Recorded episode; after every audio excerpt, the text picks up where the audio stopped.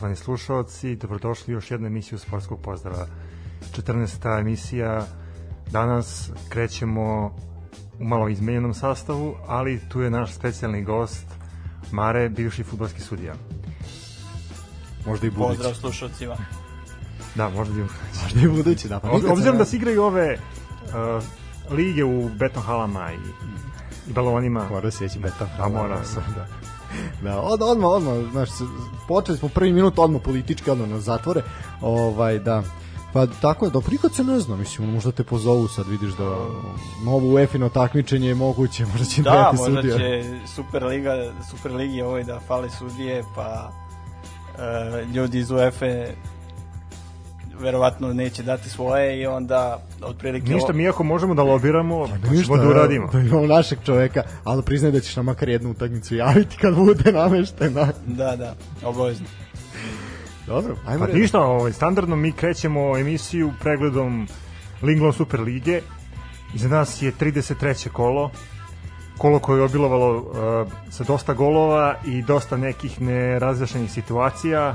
Bilo je situacija koje su bile pod ove lupom sudijske komisije. E, zato je tu naš dragi gost da nam neke stvari objasni. Ili makar pokuša. Ili makar pokuša da objasni. Mi nismo baš ovaj, poznati po tome da shvatamo baš sve, tako da, ovaj, ali trudimo se. Pa evo ja ću se potruditi da, da i vama i gledo, to jest našim slušalcima objasnim te neke detalje možda koje inače običan e, posmatrač futbala ne može da uvidi u odnosu na nekog ko, da kažem, ko je već imao iza sebe da. neku pa neki sudijski staž i, i uopšte to neko iskustvo sagledavanja utakmice iz drugog ugla. Ja ću samo reći da je gost došao sa su- sudijskim rekvizitima, Ne, apsolutno. Hoćemo dobiti karton ako bude bilo, bilo loših fazona. Morate da, da radite u skladu pravila igre. Dobro, ajmo onda u skladu sa pravilima. Pravilima, idemo... Sa pravilima i sa, sa pravilima emisije krećemo petak. Tako je, petak idemo, Idemo u Užice. u Užice. Tako je.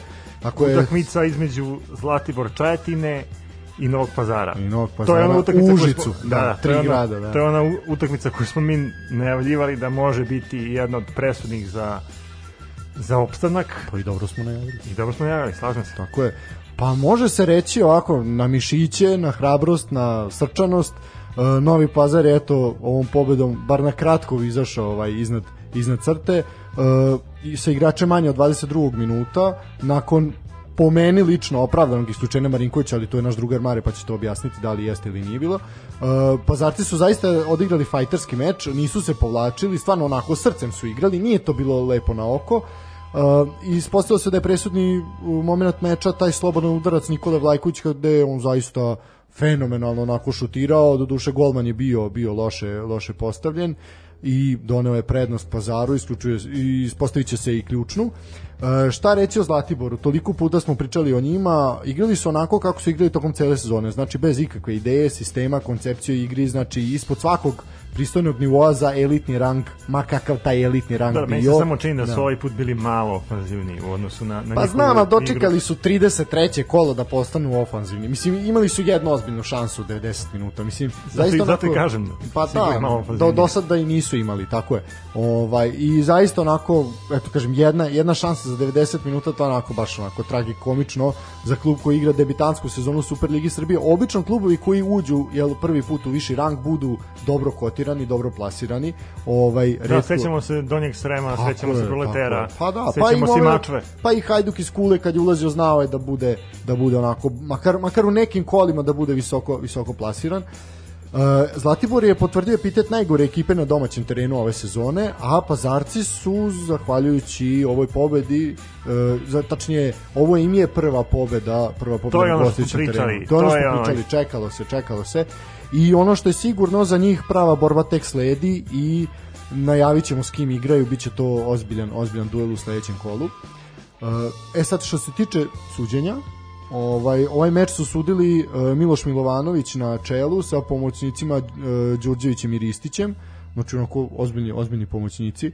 Da, Ovaj to su Mažićevi moćnici, Da. iskusni, mnogo i evropskih i internacionalnih utakmica imaju za sebe, tako da A što se tiče samih, e, da kažemo, interesantnih situacija sa, sa sudijske strane, to je definitivno taj crveni karton uh, uh, u 23. minutu, čini mi se, 21. uh, koji je dobio igrač Novog pazara Marinković.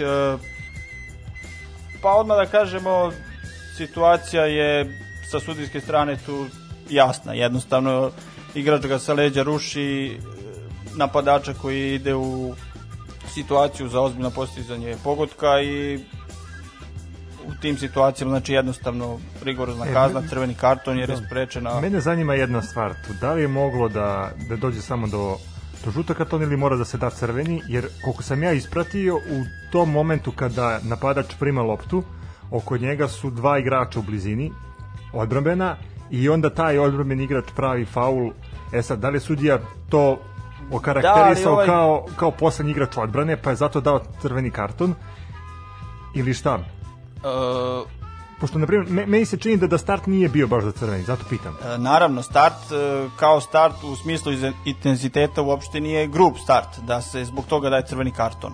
Ovde je više kazna za e, Za zaustavljanje napada. zaustavljanje za gol, očiglednog da. napada za Opasno, postizanje da, pogotka. da. I to po pravilima mora da se kazni crvenim kartonom, e, jer je sprečen, jel, verovatni Obećavajući, pogodak. Da, obećavajući napad. A što se tiče ovog drugog igrača, oni, ajde, da, po usporenom snimku može se zaključiti da su bili u maltene liniji, ali bez obzira uh, ovaj bliži igrač koji je i napravio faul je, je taj igrač poslednji odbrane, znači sudija je tu procenio da ovaj drugi ne bi stigao, znači da nije bilo kontakta i faula, igrač bi sam izašao na golmana i ne bi uspeo da ga dostigne i eventualno spreči šut. Tako da je sa te strane po meni sasvim opravdano. Jedno pitanje samo, kako komentarišeš to, eto rekao si sam Mažićevi pomoćnici, mislim oni su nama poznati kao su sudili su Evropsko svetsko prvenstvo, Ligu šampiona i tako dalje i tako dalje. I da ih neko delegira za utakmicu Zlatibora i Novog Pazara, realno timova koji se bore za opstanak, znači poslednji plasiranih timova na tabeli. Kako možeš to da prokomentarišeš? Da li je moguće da je neko to procenio kao utakmicu, utakmicu visokog rizika ili na, da se ne, visokog rizika, da. ali recimo utakmicu gde bi moglo doći, da kažem, do nekih e, do neizvesne situacije. Znači ovde je Novom pazaru preko potrebni bodovi za opstanak.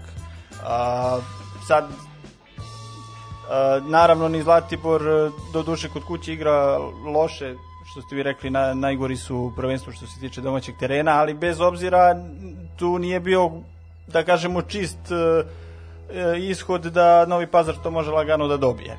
Da. Zbog toga možda da bi se sprečile eventualne tenzije na, na samom terenu, bila je potrebna jedna iskusna sudijska trojka, da ta utakmica se završi, da, da kažemo kako treba, eto. I, mislim, a i plus oba tima su poznata kao jaki na saopštenjima posle, posle svega i to je i to je verovatno uticalo, da, ali sad, moguće da, da i to igra, ali, ali ja mislim ali, da da, da ipak važnost, važnost utakmice ovaj odredila to da da ovaj sudijski par Ali sećamo se koliko puta je Novi Pazar izdavao saopštenje, pa i sećamo se i Zlatibor ove sezone više puta okrivio nekog drugog, čitaj fudbalsku organizaciju u Srbiji, kako jeli su ih sputali, a ne to što niste sastavili tim i napali jedan put gol kršteno, ali dobro ne. Dobro, imali su šansu u ovoj utakmici, nemoj, nemoj da se gol slučajno, aj dobro, tamo. Ništa, ovaj, ovaj sa... To je petak bio... Iz Užica, odnosno sa, sa Zlatibora, se selimo u Beograd. Tako je. Ovaj... Subota, utakmica Rad i Bačka. Rad je isto je još jedna od uh, utakmica koje smo isto prognozirali da će biti Ma pa... manje više rešene. Pa da si kvota u max betu od 1.15 govori dovoljno sve. Pa pazi, Radovo proleće radi u nezaustavljivoj seriji. Rad, da je Liga počela ovaj, u martu mesecu, Rad bi sad gledao protivnike u kvalifikacijama za Ligu šampiona. Znači, ali dobro. Uh, ništa, četvrta vezana pobjeda Rada, uh, četvrti uzastopni poraz Bačke.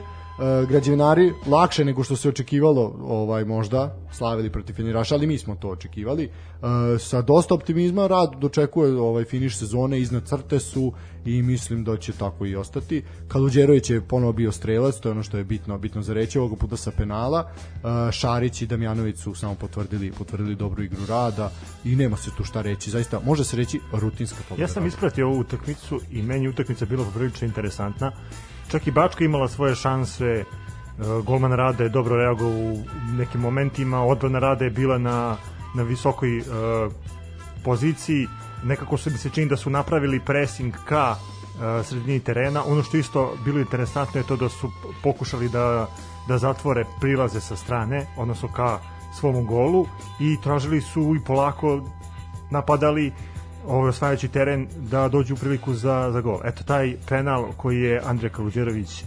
realizovao je otvorio vrata radu novoj pobedi i posle samo bila rutina da se postignu pa. još e, dva komada. Pa obično, obično tako je bilo sa Bačkom ove sezone, oni su se dobro držali dok uvek dok ne dok prime, ne prime prvi da. gol. Kako prime prvi gol, tako, tako ide raspad sistema, ako prime jedan, primiće četiri. Tako da to je, to je u suštini slika Bačke, ali zato će naredne sezone igrati u prvoj ligi Srbije.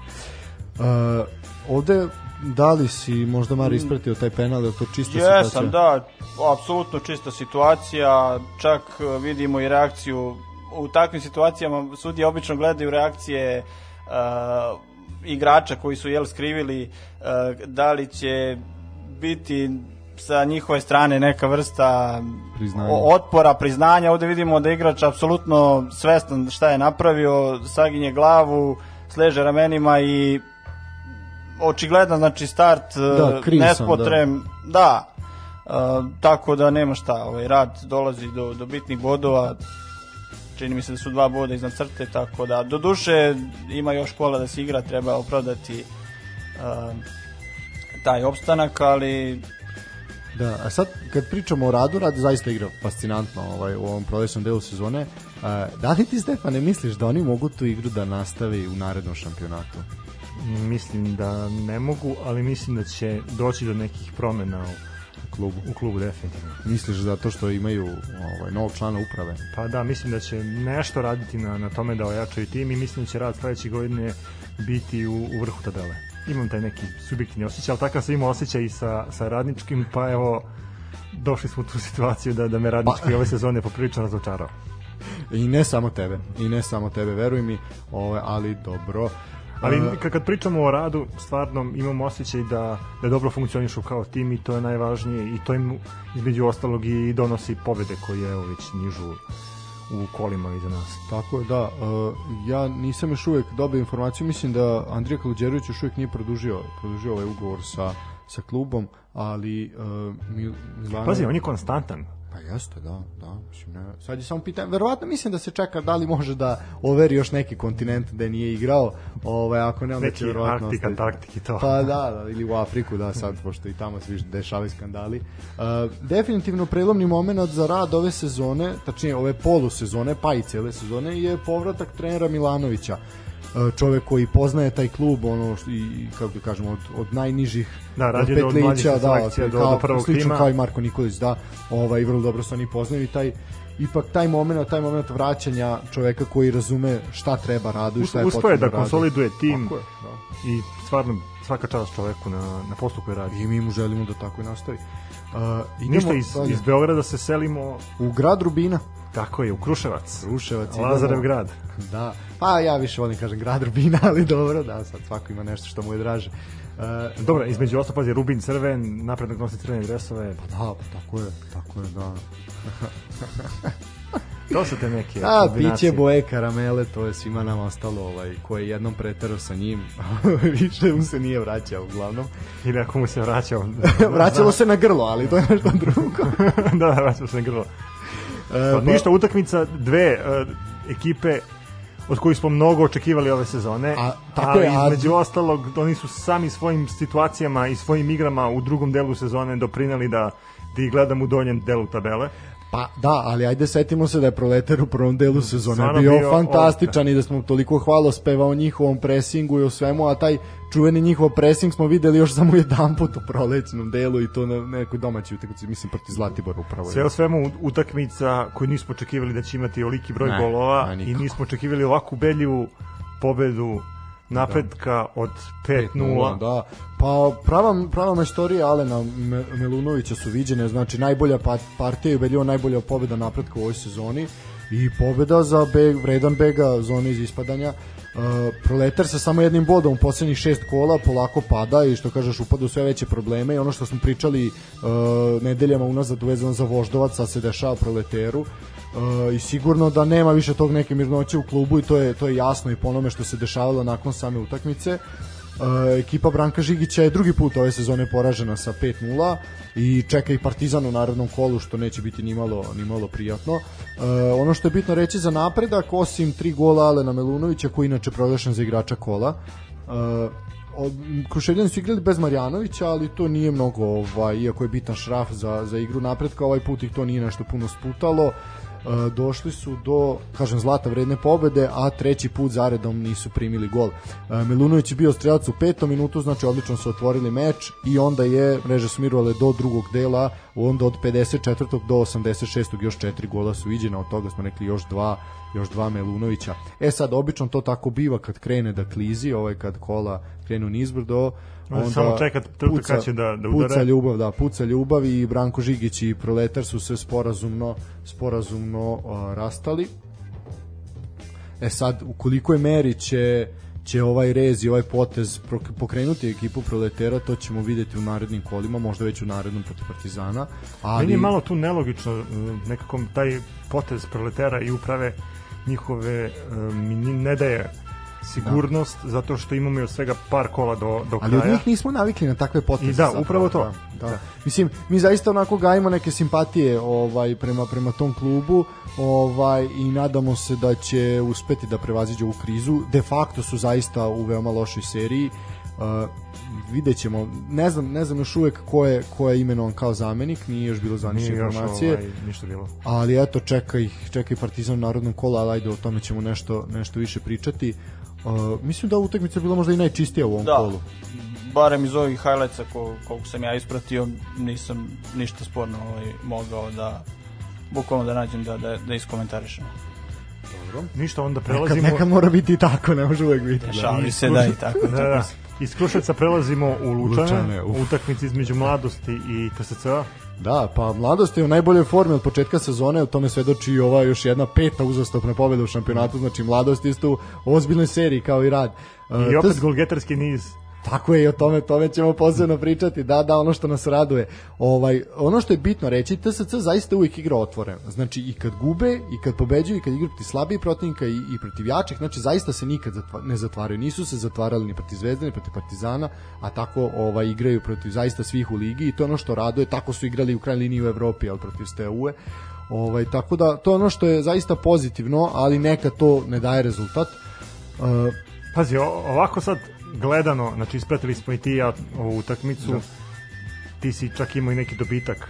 Da, da, moram se pohvaliti da sam uzeo neke novce konačno, ali slabo sve ništa, ovaj, ali dobro. E, Ali e, totalno dva različita poluvremena. Tako je, tako je, Prvo poluvreme u kome. TSC napadao, e, dominirao, u kome postigao, bio bolji, postigao da.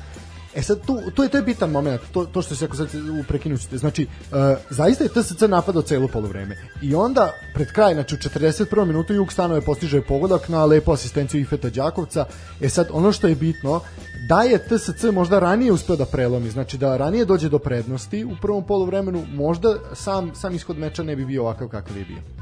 Ali, sad, šta bi bilo kad bi bilo, jel? Pa pazi, na primjer, da nisu možda postigli taj gol, verovatno se mladost ovaj, ne bi da bi toliko ni trgla? otvorila, da, i trgla. Pa dobro, moguće, vrlo moguće. Ali stvarno, drugo poluvremenu, skroz drugačija ekipa mladosti, Apsolutno. krenuli su sa napadima, imali su ozbiljne prilike da, da postignu čak i više od dva gola. Da, Bojović je bio strelac penala za 1-1 u 58. Da, minutu. I čak, na primjer, onaj drugi, drugi njegov gol, ono, sa petom, je stvarno majstorija. Da, mislim, zaista onako uh, redko, redko efektan gol. Ovaj, mislim, nismo navikli takve stvari da, da gledamo na našim terenima, ali eto, Ja sam samo ispratio golmana koji je ovaj ispratio loptu kako upada ovaj iza linije. Mislim, Ne, stvarno, Milan Bojović je zaista pokazao da je da je zaista vrsni vrsni ovaj golgeter i za, sada se zasluženo nalazi na listi najboljih strelaca svih vremena. Prestigao je Andriju Kaluđerovića i ta borba će trajati očigledno. Ovaj, e sad, ko je tvoj tip? Nismo o tome pričali. Za koga navijaš da zapravo osvoji tu nagradu na kraju? Pa ja potpuno simpatišan Bojović više nego Više, da, da, to zapravo to- Svetozar je da rekao da on više više simpatičan Andriju Kolđerovića. Ja bih isto svoj glas dao dao Bojoviću. Mislim da je on onako po meni nekako možda više zaslužio da nego nego Andrija. Ma do podjednako. Pa, znaš kako sad gledam to, na primjer, klubovi u kojima je igrao Bojović i u kojima je igrao Kaluđerović. Da, ne, da ipak ipak je Bojović igrao da se ne uvrede, ali u niže niže. Uvek sam bio za neke outsidere. Sam da underdogs uvek. Ovaj zato i navijaš za koga navijaš. Tako. E, ništa, to što- Mare, je bilo nekih spornih situacija ovde? Da, dok Mare, da, ob- samo ćemo reći da su Lučanci ovom pobedom gotovo sigurno obezbedili opstanak u ligi, oni nemaju čemu da brinu. A dok Mare, Mare ovaj, to analizira, da, imam još jednu bitnu vest, ono što je zaista obeležilo ovu celu utakmicu, što je možda negde dalo i motiv ovaj, igračima mladosti da odigraju tako se odigraju, to je ono što se ta nemila scena koja se desila u poluvremenu gde je trener Darko Rakočić prvo bio priključen na infuzu da je čovjeku pozilo i onda je hitno prebačen u obližni zdravstveni centar u Lučanima, ali pošto mu kažem nakon infuzije ovaj nije bilo dobro, čak je čak je ovaj dalje premešten u Čačak ovaj i de, oglasili su se iz kluba i ja ću sad to pročitati. Naš trener Darko Rakočić smešten je u odeljenje neurohirurgije u Čačanskoj bolnici za sada je stabilno ali osjeća vrtoglavice. Kaže nemaju bitno je da nema mučnine trebalo bi tokom dana da uradi skener i ostalu dijagnostiku. Nadamo se da će brzo izaći iz bolnice i uskoro ponovo biti sa nama. Zaista onako čudna čudna situacija. Ovaj nadamo se da će gospodin Rakočić biti dobro i eto I mi mu želimo brzo oporavak. Naravno, njegovi momci su ga zaista lepo obradovali i doneli mu, doneli mu tri boda. Da, što Mare. se tiče ove neke sudijske strane, a, interesantna situacija je bila u prvom poluvremenu. Lučanci su tražili penal, naime bio je jedan a, a, faul na samoj ivici 16-terca, odnosno kaznenog prostora, gde je sudija, glavni sudija Pavle Tomić dosudio ipak slobodan udarac. A, i po meni opravdano kada se zaustavi snimak a, vidi se da je kontakt ipak bio malo iza malo iza linije kaznenog prostora. Verovatno je i dobio diskretni signal od drugog pomoćnika Gorana Beljina na ovoj utakmici i apsolutno ispravna odluka i treba pohvaliti ovaj uh, sudijski sudijski sudijsku komunikaciju ko, kod uh, donošenja odluke u, ovoj situaciji. A druga interesantna situacija je penal za za mladost uh, po meni isto opravdano igrač uh, zakasnili start sa leđa ga ruši, igrač ide ka golu opravdan penal i Lučanci izjednačuju na 1-1. Imali su, tražili su, čini mi se, još jedan put za neko igranje rukom, ali ruka uz telo apsolutno nema elemenata za, za još jedan kazneni udarac i onda na kraju vidimo efektan gol e, za 2-1 e, pri, samom, pri samom kraju utakmice. Verovatno će konkurisati za jedan od tri najlepših pogodaka u, u ovom kolu. Da. Ja se iskreno nadam da će ovo da, biti... Nije izašla, nije izašla lista. Nije izašla ovaj, lista, da. ali gledajući golove sa, sa ovog kola, Pa, mislim čini mi se da... da, da A biće u top da, 5 biće, sigurno. Biće, da, biće, sigurno. Da. Top 3 sigurno. Pa da, da, sigurno. Ovaj, možda čak i taj slobodan udarac uh, Na utakmici Da, Inđa da. Zvezdana. Da, i pa i čak možda i Novi Pazar Zlatibor, može i to recimo. Ovaj, pa tako, da, pa čak i gol. Ali pazi, gle- gledajući u kojem položaju bi igrač kada prima loptu i kako E, odre, okej, okay, da, da. odreagovao, A. ali mu definitivno dao taj sat Da. koji deli futbolski savez Srbije. E, tačnije gospodin Petrović. Da. Da. Dobro, a ajmo dalje, idemo, tu smo sve, tu smo negde nalazimo, idemo u Ivanjicu. Ovaj, Javor Mačva, Javor 2-0. Mačva 2-0, pa recimo da pobeda koje su momci iz Ivanjice jako, jako priželjkivali i očekivali, pobeda za beg iz opasne zone, ali daleko od toga da je strah i neka strepnja za opstanak da su, da su nestali, Uh, još ima još ima puno puno ovaj se znoja i krvi mora proliti na na travnatim terenima širim naše lepe ali okupirane države Uh, rano vodstvo dalo je sigurnost Javoru i stvarno su igrali mirnije. Opet su ona, isti recept kao protiv Zvezde, promenili su protiv Mačeve. Ajmo odmah od starta napasti i to ono što se desilo Zvezda je tako i primila gol. Znači zaista onako od, od bukvalno od prvog, od sudijskog zvižduka su krenuli. I stvarno su imali do, dobre napade, žestoke napade i golmanu maču uopšte nije bilo sve jedno da interveniše. Ali- U nekim momentima mi se čini da je Javor mogao čak da dođe i do, do ubedljivije pobede od Tako je, 5-6-0. Apsolutno, oni su oni nisu stajali sa napadačkom igrom, znači oni su bili konstantno ofanzivni bez obzira, znači što smo postigli, znači obično bude kao postigli smo gol, sad možemo malo stati. Ne, momci su zaista izgarali i zaslužili su možda što kažeš i Ma da opet kažem, znači svaka čast golmanu mače. Reagovao je u 3-4 situacije stvarno Čovjek van brani serijski, fantastično. ali su i napadači Javora imali situacije gde su se stvarno dobro ispromašivali. Pa čovjek je branio i penal, mislim, ono, na nekih 30 Da, da, minuta da, igre, odbranio je penal. čovjek je skinuo penal, zaista je golman Perić ovaj, branio branio fantastično i sećamo se utakmice protiv Partizana šta je čovjek odbranio, mislim koliko 20 i nešto udaraca je skinuo. Ovaj Uh, promašio je Ilić je promašio penal, a međutim uh, Andrej Ilić je iskupio u finišu poluvremena kada je duplirao prednost i praktično rešio pitanje pobednika na ovoj utakmici. Uh, Javor je ostvario prvu pobedu na svom terenu još od 22. februara. E sad, zli jezici se reći zato što je bilo, nije bilo uslova za igru na terenu i zato što lopta uglavnom pluta, a ne kotrlja se, ali dobro. Tri boda se pišu, ovaj, malo smo imali prepisku sa, to moramo reći, ovo je sad van, van ovaj, kako kažemo, ovaj stručnijeg dela analize, da je ovo totalno nestručno, ali nije ni bitno. Imali smo prepisku sa momkom koji vodi Javorov Twitter profil, ovaj, gde smo rekli da molimo da se potrude, da i ovaj put ne dodelimo im nagradu za najlošiji teren u Superligi, oni su se to potrudili i to je zaista izgledalo Prvo mislim da im i vremenski uslovi su išli Da, ne, to je ovaj vikend na, na ruku. Tako je, vidjet ćemo sad ovaj, kad se napuckaju jaja za vikend šta će biti ono naredno, ali dobro. Tako da, to je to u suštini. Mare, kako se tebi činila ova utakmica? Pa, dinamična utakmica, vidimo da je prvi pogodak postignut e, nakon kornera, jedan mali karambol je bio u kaznenom prostoru, prvo prečka, pa onda gužva neka i na kraju eto, nekako su gurali loptu u mrežu. A, dosuđen je i penal za za Javor koji nije realizovan, ali je opravdano dosuđen jer e, odbrambeni igrač a, Mačve jednostavno rukom zaustavlja šut e, i na taj način sprečava da lopta pa možda ne bi bio pogodak, ali jednostavno ruka van e, prirodnog položaja mora da se sankcioniše u ovom slučaju kaznenim udarcem. Da. Tako je, dobro. I opravdano dodeljen žuti kartone. Ono što sam ja ovako primetio gledajući ovaj skraćeni snimak utakmice, možda neka moja zamerka na sudiju je uh, da tokom utakmice nije imao baš uh, adekvatno kretanje u smislu da je kod nekih bitnih situacija bio dosta udaljen od same samog mesta događaja i, i lopte na terenu kao da je malo kasnio za, za, za kontranapadima koji su bili česti na ovoj utakmici pa Da li ti deluje kao da mu je falilo kondicije ili da je samo pozicioniranje? Ne, ali pazi, možda je to do nadmorske visine. ne znam da li mu fali kondicije, ali generalno preporuka je da sudija uvek gleda da je što bliže da. Naravno ne, ne kod same lopte jer onda smeta igri, ali da je u nekom krugu od 10-15 metara uh, dok, dok lopta kod, kod igrača a često se dešavalo da je, su situacije bile znači u, u samom 16 tercu a on je negde na centru po jednostavno um, morao je da bude bliže igre. Da, možda ima pilotski vid, je ono što vidi 200% i onda može da može da pročita i da vidi šta se dešava.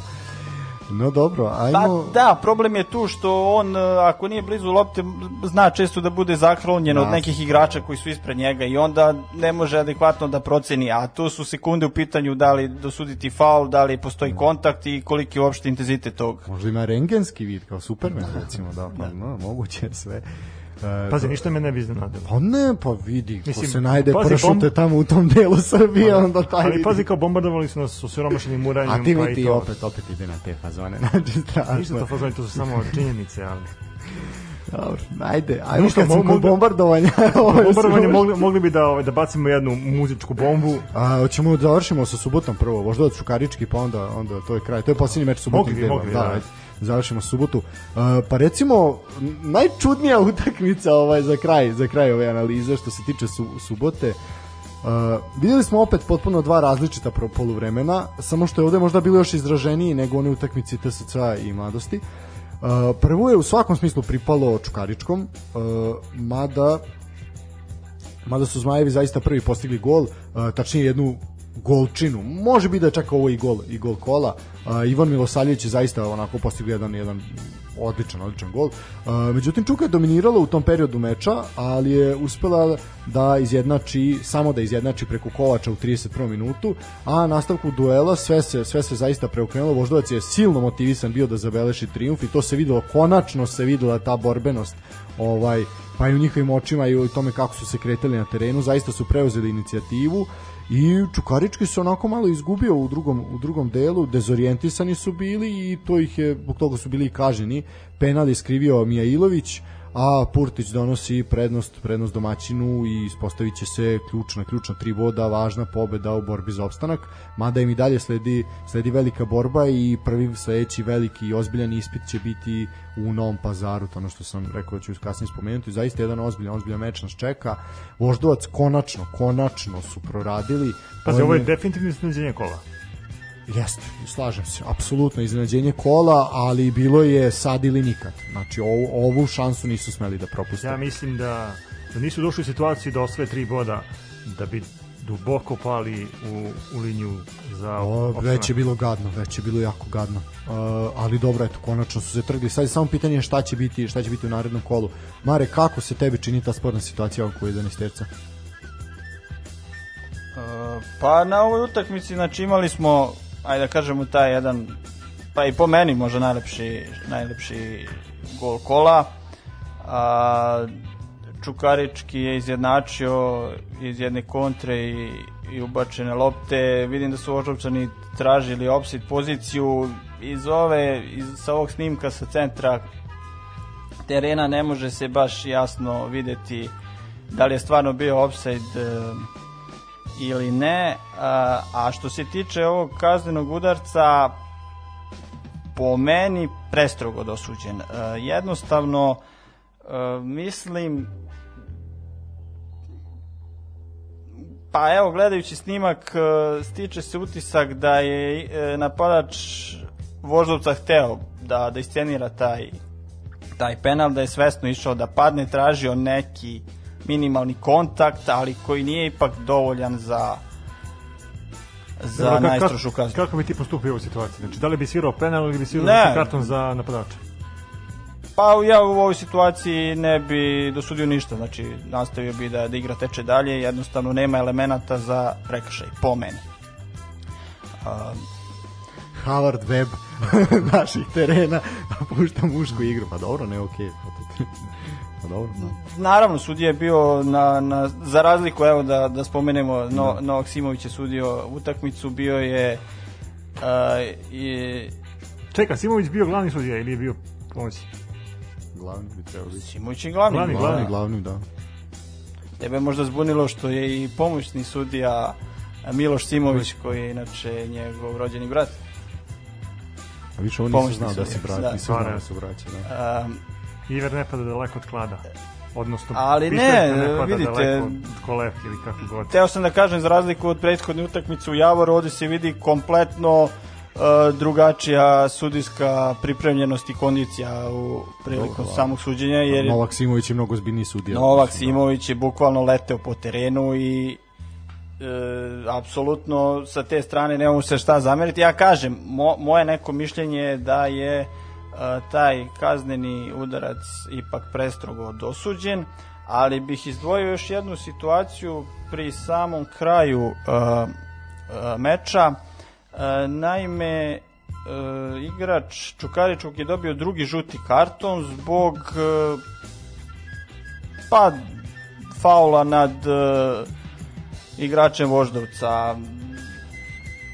Takođe mislim da da je ipak prestrugo dosuđena i, i ta kazna jer e, tačno se vidi po reakciji igrača koji dobija neki da kažemo blagi kontakt e, rukom, e, ali onda posle toga pada na zemlju i pravi jedno 3-4 koluta kao Da, Neymar. bukvalno je da teatralan pad. Teatralno, da. teatralan Čak i ta pad. veštačka, veštačka trava na, na stadionu Voždovca nije mogla da, da upije. Ovo Da, sam da ublaži ovaj, bol. ali- jednostavno neprirodan pad za, za tako blagi kontakt. E, I još da kažemo zakasnili pad. Da. Pa dobro, malo je, malo A, je sporije. da, i to je jedna od velikih problema u modernom futbalu što igrači sada masovno koriste tu si, simulaciju da bi iznudili e, da kažem korist za svoj klub, odnosno sankcije za, za protivnika. Da li je to problem modernog futbola? Pa imali smo to i pre. Uh, pa ne znam da li je baš stari futbal ako pričamo onaj uh, Zavisi šta ipak je smatraš starim futbolom, to je. stari futbal znači dok još nije novac igrao bitnu ulogu u Znači fudbalu. tamo negde do 80-ih, E, tada je futbal ipak bio po meni viteška igra i jednostavno takvi igrači koji bi simulirali bi se smatrali Slobodno rece, pički se. pa smatrali pa bi jeste, se pa. šonjama bukvalno i od svojih saigrača. Naše pravo reč, naše pravo reč, da nije teo da kaže, dobro. Da, znači bio je grub, mislim grub, ne grub, ali, Ali muški, čvrsto. Ja, Mislim, ja momački setim. Trajkovića i, i njegove reči. Tako je, šef ne voli pičkice. Pa igramo mušku mi igru, danas bre. vidimo da, da igrač znači do, dobije kontakt, ali to nije kontakt gde bi bilo ko od nas možda bi se uhvatio za nogu i to je to. On pada, pa se vata za glavu, pa se vrti, pa... Da, pritom su to igrači koji su u ozbiljnom treningu. Mislim, nebitno da li igraju za Naravno. Voždovac, Novi Pazar, Zvezdu, Partizan ili Vojvodinu. Znači, to su svi momci koji su u ozbiljnim treninzima. Ne znam, sve u cilju da se pojača utisak da je to bio neki izuzetno grub start, da bi se igraču dao ili žuti ili crveni karton, ali to sudije jednostavno svojim iskustvom na terenu moraju da prepoznaju i čak ako treba i da sankcionišu to simuliranje da se ne bi ponavljalo uh, iz utakmice u utakmicu Tako jednostavno. je, i da se ne bi meč otrgao kontroli i to je... I to je E pa, kad smo već kod uh, otrgavanja kontrole, vi ste se malo otrgli. malo smo se otrgli, vreme da nas Ovaj, malo možda, bi, zauzda. možda bi mogli da bacimo jednu muzičku bombu, kao što sam već najavio. Ovaj, ništa, idemo sa pesmom.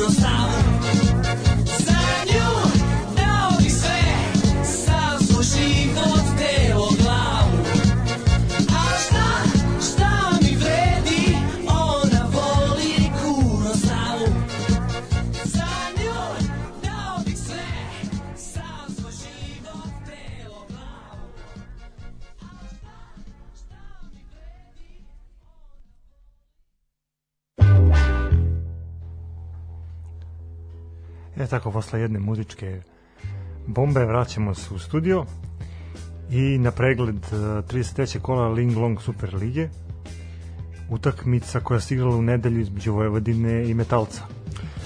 Tako je, da, zaista lepo vreme ovaj, u tom terminu u, od 14.30 u Novom Sadu prava, prava šteta je zaista što nije bilo publike na ovom meču očekivali smo ono što smo i najavili da će to biti jedan zaista zanimljiv zanimljiv ovaj meč i bio je, svakako je bio Uh, Metalaca sa sedam osvojenih bodova posljednja tri, tri kola uh, ekipa Metalca zaista sa dosta više optimizma gleda ka samoj završnici Super lige uh, prvo polovreme današnjeg meča proteklo je u mnogo boljoj igri Vojvodine.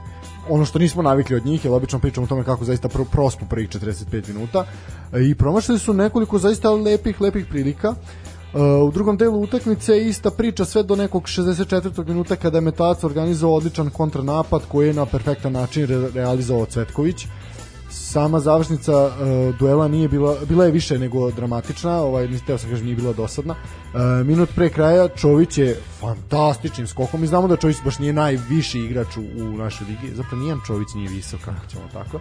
Ovaj ali zaista je nadskočio fantastično i ima jedna sjajna fotografija koju je uh, fotoreporter sa tog meča uslikao gde onako u padu ga je slikao kako, kako se bukvalno ispravio po, po, ovaj, po, po horizontali, zaista, zaista fantastičan skok Čovića i lep pogodak za 1-1. Uh, povukao se bio malo metalac i gubili su loptu, dosta je tu grešaka bilo, međutim u, bilo je još nekoliko odličnih šansi Vojvodine, ali u nadoknadi vremena Eduard Prestiž, čovjek o kome smo toliko pričali, ovaj iskoristio je sjajan centaršut krajišnika koji o kom ćemo pričati i sa Maretom malo kasnije uh, i udarcem glavom onako čovjek je sam lepo lepo je izbegao markaciju izašao je sam na 5 metara. Čak on nije bio jedini koji je bio na 5 metara još jedan igrač takođe znači radi se o loša postava Vojvodine tako je a radi se u igranoj akciji metalca i doneo zaista tri velika boda svom timu Metalac je ostvario drugu vezanu pobedu na gostovanjima, dok je Vojvodina nakon šest uzastopnih pobeda na, na Karadžođu doživjela poraz. Uh, vidi se da trener Lalatović nije bio zadovoljan, uh, čak nije hteo da da izjavu Areni Sport, čak i onako besno je odneo i mikrofon sa sobom. Uh, posle imao i neki show program na, na konferenciji za, za novinare. Uh, i za sve to vreme dok je Lalatović eto glumio ovaj uvređenu uvređenu stajku uh, gospodin Žarko Lazetić koga ovaj puta pozdravljamo ovaj je zaista onako s jednim šeretskim osmehom to sve posmatrao i, i mislim da treba da bude gospodin Lazetić o, ponosan i srećan zbog svojih momaka a ima još jedna lepa vest to je da je potpisao petogodišnji ugovor sa Metalcem i izgleda da ozbiljan, Metalci je ozbiljan, ozbiljan projekat i to ćemo tek u narednim sezonama vidjeti koliko zapravo oni mogu, a mislim da mogu da budu pri vrhu. Ja sam govorio za njih da po meni oni su i nakon nekih da kažem situacija koje su imali u prošlosti ovaj da su imali uh, izlet u, u drugu ligu uh -huh i ponovni povratak u, u Superligu, mislim da će sad jedno vreme biti, biti baš konstantni. Biti, biti, tako je. I mislim, imaće tendenciju ka, ka vrhu, je sad koliko je to realno i zapravo koliko može, uh, ono što je bilo lepo videti, to su, to su igrači koje metalac izveo, znači to su sve zaista ovaj gro tima je, je ovaj, od mladih igrača i od onih igrača koji se tek očekuje očekuje neka, neka ovaj lepa i svetla budućnost. Ali... Meni je sa, samo kad pričamo o utakmici, samo utakmica je bila zanimljiva Jeste. jer su se šanse ređale kao na traci. Zaista. Mnogo više šansi Vojvodina. Mnogo više šansi imala Vojvodina, ali sve kako išlo van 16 terca van gola, nekako nije, nisu Neki, bili toliko konkretni da bi, da bi nešto moglo da se priča uh, ozbiljnije. Jedna, Ali opet pa, pala su ta tri gola koja su upotpunila ovu utakmicu i koja su dala na značaju između ostalog i taj gol u, u 90. minutu da, prestiža. Drugom, da. I stvarno utakmica je bila lepa za oko.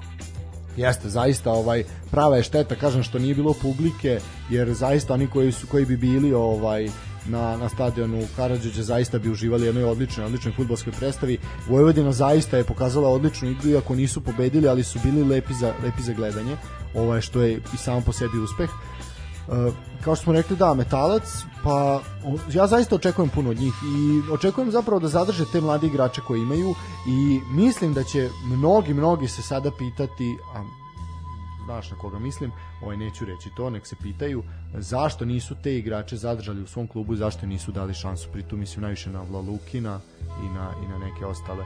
Ali dobro, sad im ostaje da se češu, da ih ne svrbi. Da, možda ih vrate na kraju, dakle znaš. Pa da, ali onda mislim, onda će metalac zaraditi, što je opet dobro. Uh, ono što bih hteo sa Maretom da prokomentarišem, to je zaista po meni jedna, jedna onako situacija ne pretarano lepa. Uh, to je Krajišnik je imao jedan uh, verbalni, umalo i fizički okršaj sa pomoćnim sudijom, gde čovjek nije bio u pravu, ali je onako po meni reagovao na nivou, da kažem neke uvredit ću nekog iz okružne lige, ali ću reći ono najnižih neki oni beton liga, da je toliko izgubio živce zbog nebitne stvari, jednog auta i prek šeku od aut linije gde nije bilo znači ništa, gde gotovo fizički nasrnuo na sudiju i onako ušao jednu ozbiljnu, ozbiljnu raspravu i glavni sudija meča mu je pokazao samo žuti karton. E sad, šta misliš da je u takvoj situaciji, znači gde čovjek ba, prilično, prilično je bio agresivan, da. uneo se u lice, u lice sudiji, onako poprilično nezgodna situacija. Pa jeste, e sad, naravno, i, i tu glavni sudija obično ceni taj moment utakmice često se desi da, da davanje crvenog kartona bude čak i kontraproduktivno, da onda ostali igrači uh, da zakuva se, da. Pa da, iskažu dodatno nezadovoljstvo i to taj ta tenzija krene da se prenosi na samu igru, kreću grubi startovi na obe strane, ovako taj neki više se ide na tu neku prevenciju da se e, smijeri situacija, da se rečima ukaže naravno za postoji, mislim, svi su videli šta je uradio i onda ne može ni on da, da ga ne kazni uopšte, tako da žuti karton po meni ovo je neka gra, e, situacija granična između žutog i crvenog, govori odlučio da, da to bude e, žuti karton e, u tom trenutku je 1-0 za e, za, znači oni su isto gleda si taj moment e, nervozni su, gube Ne, ne, u tom, to je, u tom momentu to je metalac je vodio u tom momentu. Da, da, da, da to kažem. Da, da. Znači, igrač Vojvodine... Ne, ne, ne, ne, ne, ne, ne, ne, Krašnik igra za, igra za, za metalac. Tako je, da. Ali kažem, u tom momentu se malo podiže žar Aha, na terenu da. i onda igrači Vojvodine pokušavaju presingom na sudiju da, da ostvare neku dobit. To, to je bilo ono sa početka, nećemo shvatiti, da. Ne, što sam htio reći, bitno je samo za, znači, to je bio zaista jedini incident u kome Krajišnik učestvovao u celom meču. Znači, on nije imao preterano grube startove, niti puno nekih sitnih faulova, znači to je imao taj jedan eksces i to je to i posle da. toga ispostavilo se da je Krajišnik bio ključni igrač za pobedu metalca pored Eduarda Prestiža je čovjek fantastično centrirao i slobodnog udarca u 92. i 3. minutu i zaista su prelepom, tačnom asistencijom, znači ključan potez da Prestiž se samo poklonio i savladao golmana. Znači, za, i s tim se pokazalo da eto, sudija ipak nije uticao na, na sam ishod igre. E, pa nije uticao na ishod igre što se tiče golova, naravno.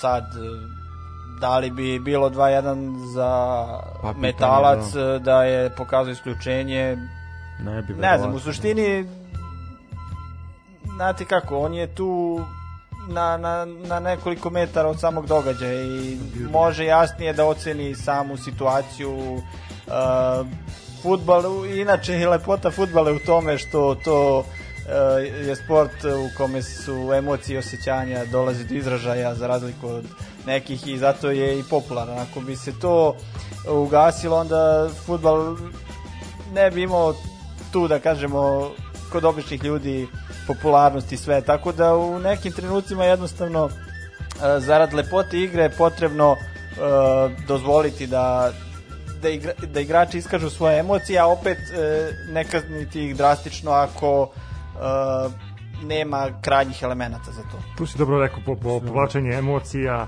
i ispoljavanje između ostalog. Imali smo situaciju kod Nenada Lalatovića koji je ponao mikrofon sa sobom. Da, mislim. mislim, navikli smo od njega ove sezone da vidimo sve i svašta. Uh, kad smo kod Nenada Lalatovića, eto, gradom kruže neke uh, sportske priče da on definitivno završava svoju priču vezanu za futbolski klub Vojvodina i da će na njegovo mesto, kako sad stvari stoje, doći uh, Slavoljub Đorđević iz Radnika i Suralica, odnosno sa njim se pregovara. Tako da vidjet ćemo kako će ispasti to na kraju. Um, ono što smo mi pričali iz kola u kolo, uh, Vojvodina se nalazi na dobrom trećem mestu, koje joj daje dobru šansu za odlazak na kvalifikacije za ligu konferencija i mislim da će Vojvodina morati da reši što pre pitanje i nekih igrača, a i da, samo da. pitanje uh, tog odlaska, eventualnog odlaska Lalatovića, da bi mogla na vreme da se pripremi za kvalifikacije Tako koje da, da u nekim mirnim nekim vodama dočekaju, dočekaju te utakmice kvalifikacija za tu ligu konferencije. Slažem se sa tobom, da, i mislim da ako su i malo pametni, ovaj oni će to pitanje rešavati uskoro upravo su kaže da mogu da se pripreme za ono što ih čeka, jer zaista imaju pa i Vojvodina i Čukarički verovatno imaju ovaj zapravo gotovo i matematički su jedni i drugi mislim, da mi smo pričali prošli put i sp- spomenuli smo kup.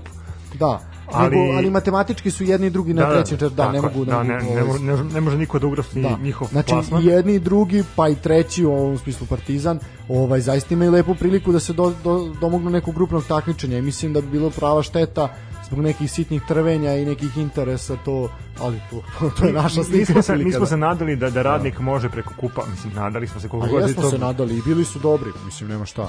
Ovaj, ali sa, sa njihovim ispadanjem ovaj od Zvezde došli smo u tu situaciju da definitivno imamo četiri predstavnika ovaj koje će probati da da pronađu svoje mesto u grupnoj fazi e, nekog od evropskih takmičenja i vidjet ćemo kako će to da sve da funkcioniše na kraju sezone, odnosno na početku nove i kako će to da izgleda ovaj na, na terenu.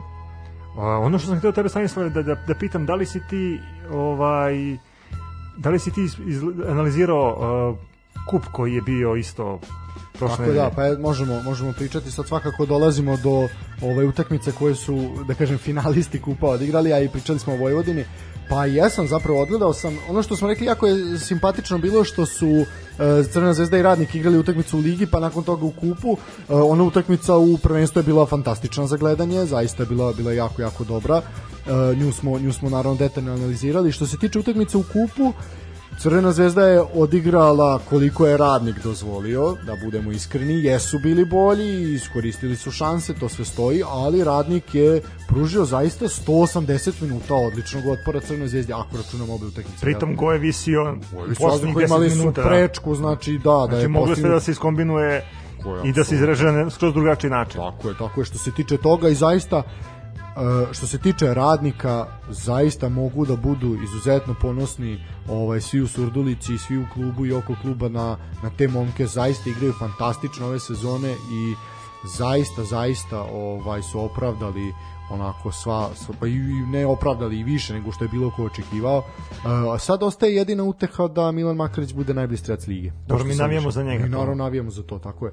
E, to je što se tiče Prvog, utakmice. da, prvog da. polufinalnog para, drugi polufinalni par bili možemo- su Vojvodina i Partizan. Bili su Vojvodina i Partizan, njih ćemo prokomentarisati dok kad dođemo do, do Partizana, Dobro. pošto sad nas čeka utakmica radnika i radničkog iz Niša, pa da završimo Ali sa tim. moramo to da, da, da prokomentarišemo. A moramo, kako ne, pa i to je deo, da, i ono što valje što ne valje. Ne, ob, obično ne volimo da, da, da komentarišemo utakmice gde nema golova, ali eto, Da, ova da. utakmica je specifična po tome što je bilo nekih drugih situacija. Pa eto, Mare, ti bi mogo da, da Ne, sam samo da dam komentar na, Da, na Zvezda Radnik.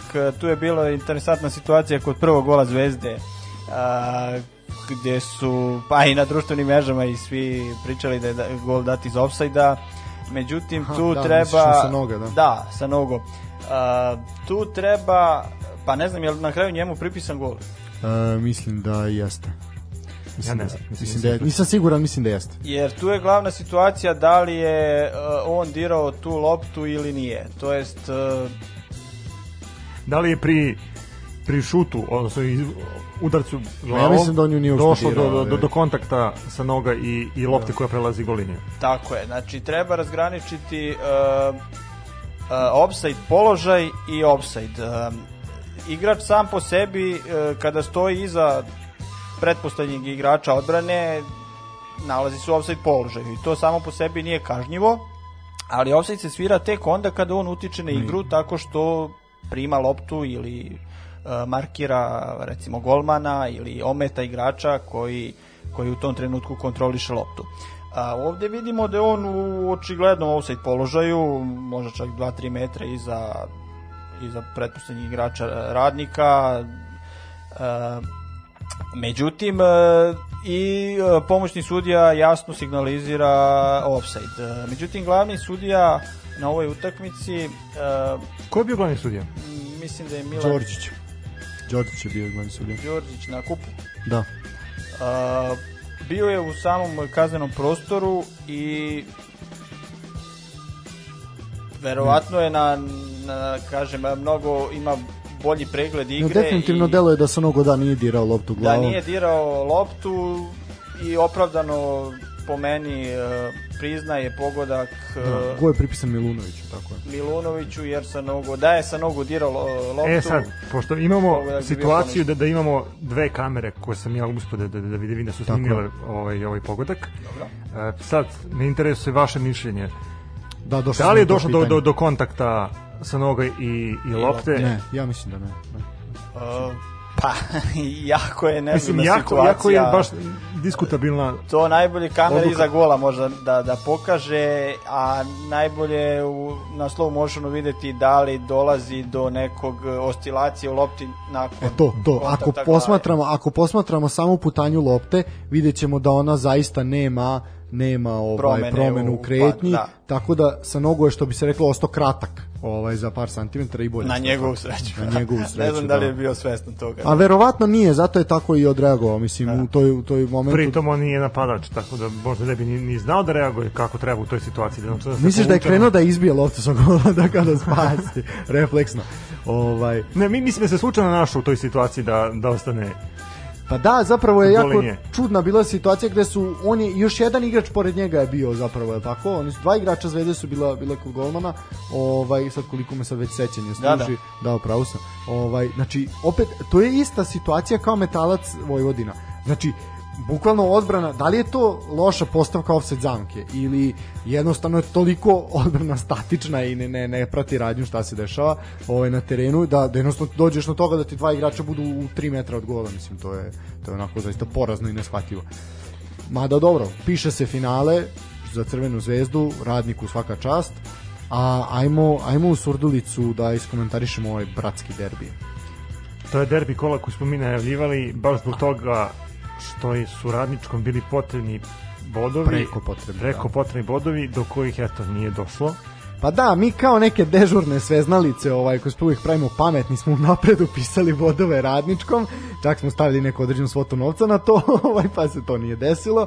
E, onako, više iz to... Mislim, to je bio bratski sudar. E, to udario brat na brata, udario junak na junaka, ali Novica nije pustio brata Ivicu.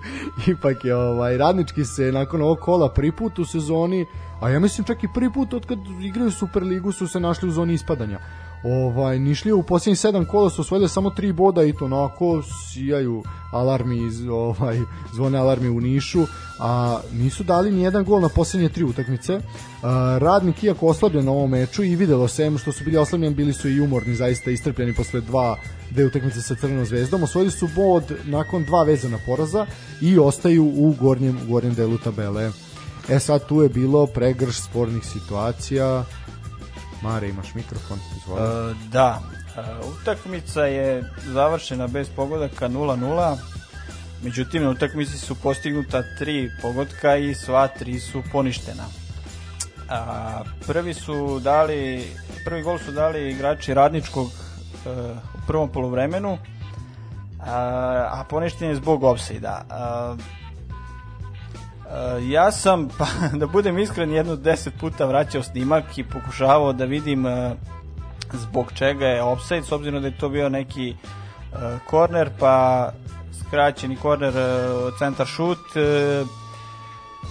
međutim nisam mogao da da da uhvatim sebe u tome da da ovo ipak jeste bio offside. Doduše, kamera se nalazila na, na centru terena i jako je teško odatle proceniti e, sam položaj igrača, e, ali ajde da kažemo diskutabilna odluka. E, druga interesantna situacija se desila u drugom poluvremenu. A, ovog puta je poništen a, takođe gol radničkog zbog da kažemo navodnog faula nad golmanom. A, igrač e, u toj situaciji šalje centar šut e, u kazani prostor radničkog, golman hvata na tu loptu skače i i igrač, e, to jest napadač radničkog e, njemu ispada lopta iz ruku i postižu pogodak, a sudija svira faul nad golmanom. Da li Je bio bilo osnove za, za faul na golmanu? E, takođe, po meni jedna granična situacija, sve zavisi koliki je taj intenzitet e, faula nad golmanom, ali mislim da je bio jako minimalan. E, a to sam došao do zaključka jer vidim da golman kada e, pada, to jest ispušta loptu, pada na travu, a, prvo se okreće i gleda ka golu da li je, da li je postignut gol, a onda kada sudija svira faul, on se vata za glavu i kreće da se a, vrti po travi. E, opet ona da kažem nesvesna reakcija a, da li neko simulira ili je zaista bio a, prekršaj. Tako da eto možda na osnovu tog detalja sam, sam došao do tog zaključka. A, opet kažem, sudija je na terenu mnogo je bliži događaju i može da, da oceni ali ovako na osnovu snimka ja, ja tu ne bih dosudio uh, faul, a što znači jel, iz, dalje iz akcije bio postignut pogodak, tako da... Znači, ako izanaliziramo ovu utakmicu, radnički je oštećen za, za tri boda. Pa tako deluje. Pa da, deluje da bi krajnji rezultat bio 2-1 za radnički. Dobro, vidjet ćemo da li to će uticati na kraju na Pa ne, Na pa, ovaj, na zaista, bodovni saldo tako je. Radničkog. Ovo je ovo su jako bila bitno tri boda za u igri za radnički i sada to može da ih skupo košta na kraju, pogotovo zbog onoga što ih čeka u narednim kolima. kad smo kod radničkog e, i kad smo kod ove situacije gde nema posete navijača na, na futbolskim priredbama, ja bih hteo da čestitam uh, futbolskom klubu Radnički 98. rođendan i njihovim navijačima Meraklijama. Uh, Meraklije su ovaj rođendan proslavile upečatljivo, zapalivši veliki kontingent uh, pirotehničkih sredstava na, Mirnovec broj novac, A Mirnovec da. uzima lovu. ovaj, na Niškoj tvrđavi i stvarno mi se nadamo da, da će radnički do godine biti standardno superligaš. Da se vrati tamo gde gde ovaj na one staze na kojima i pripada, znači ovo ovo zaista nismo nismo navikli od njih. E, no dobro, ajmo dalje. Idemo na stadion kraj Pruge.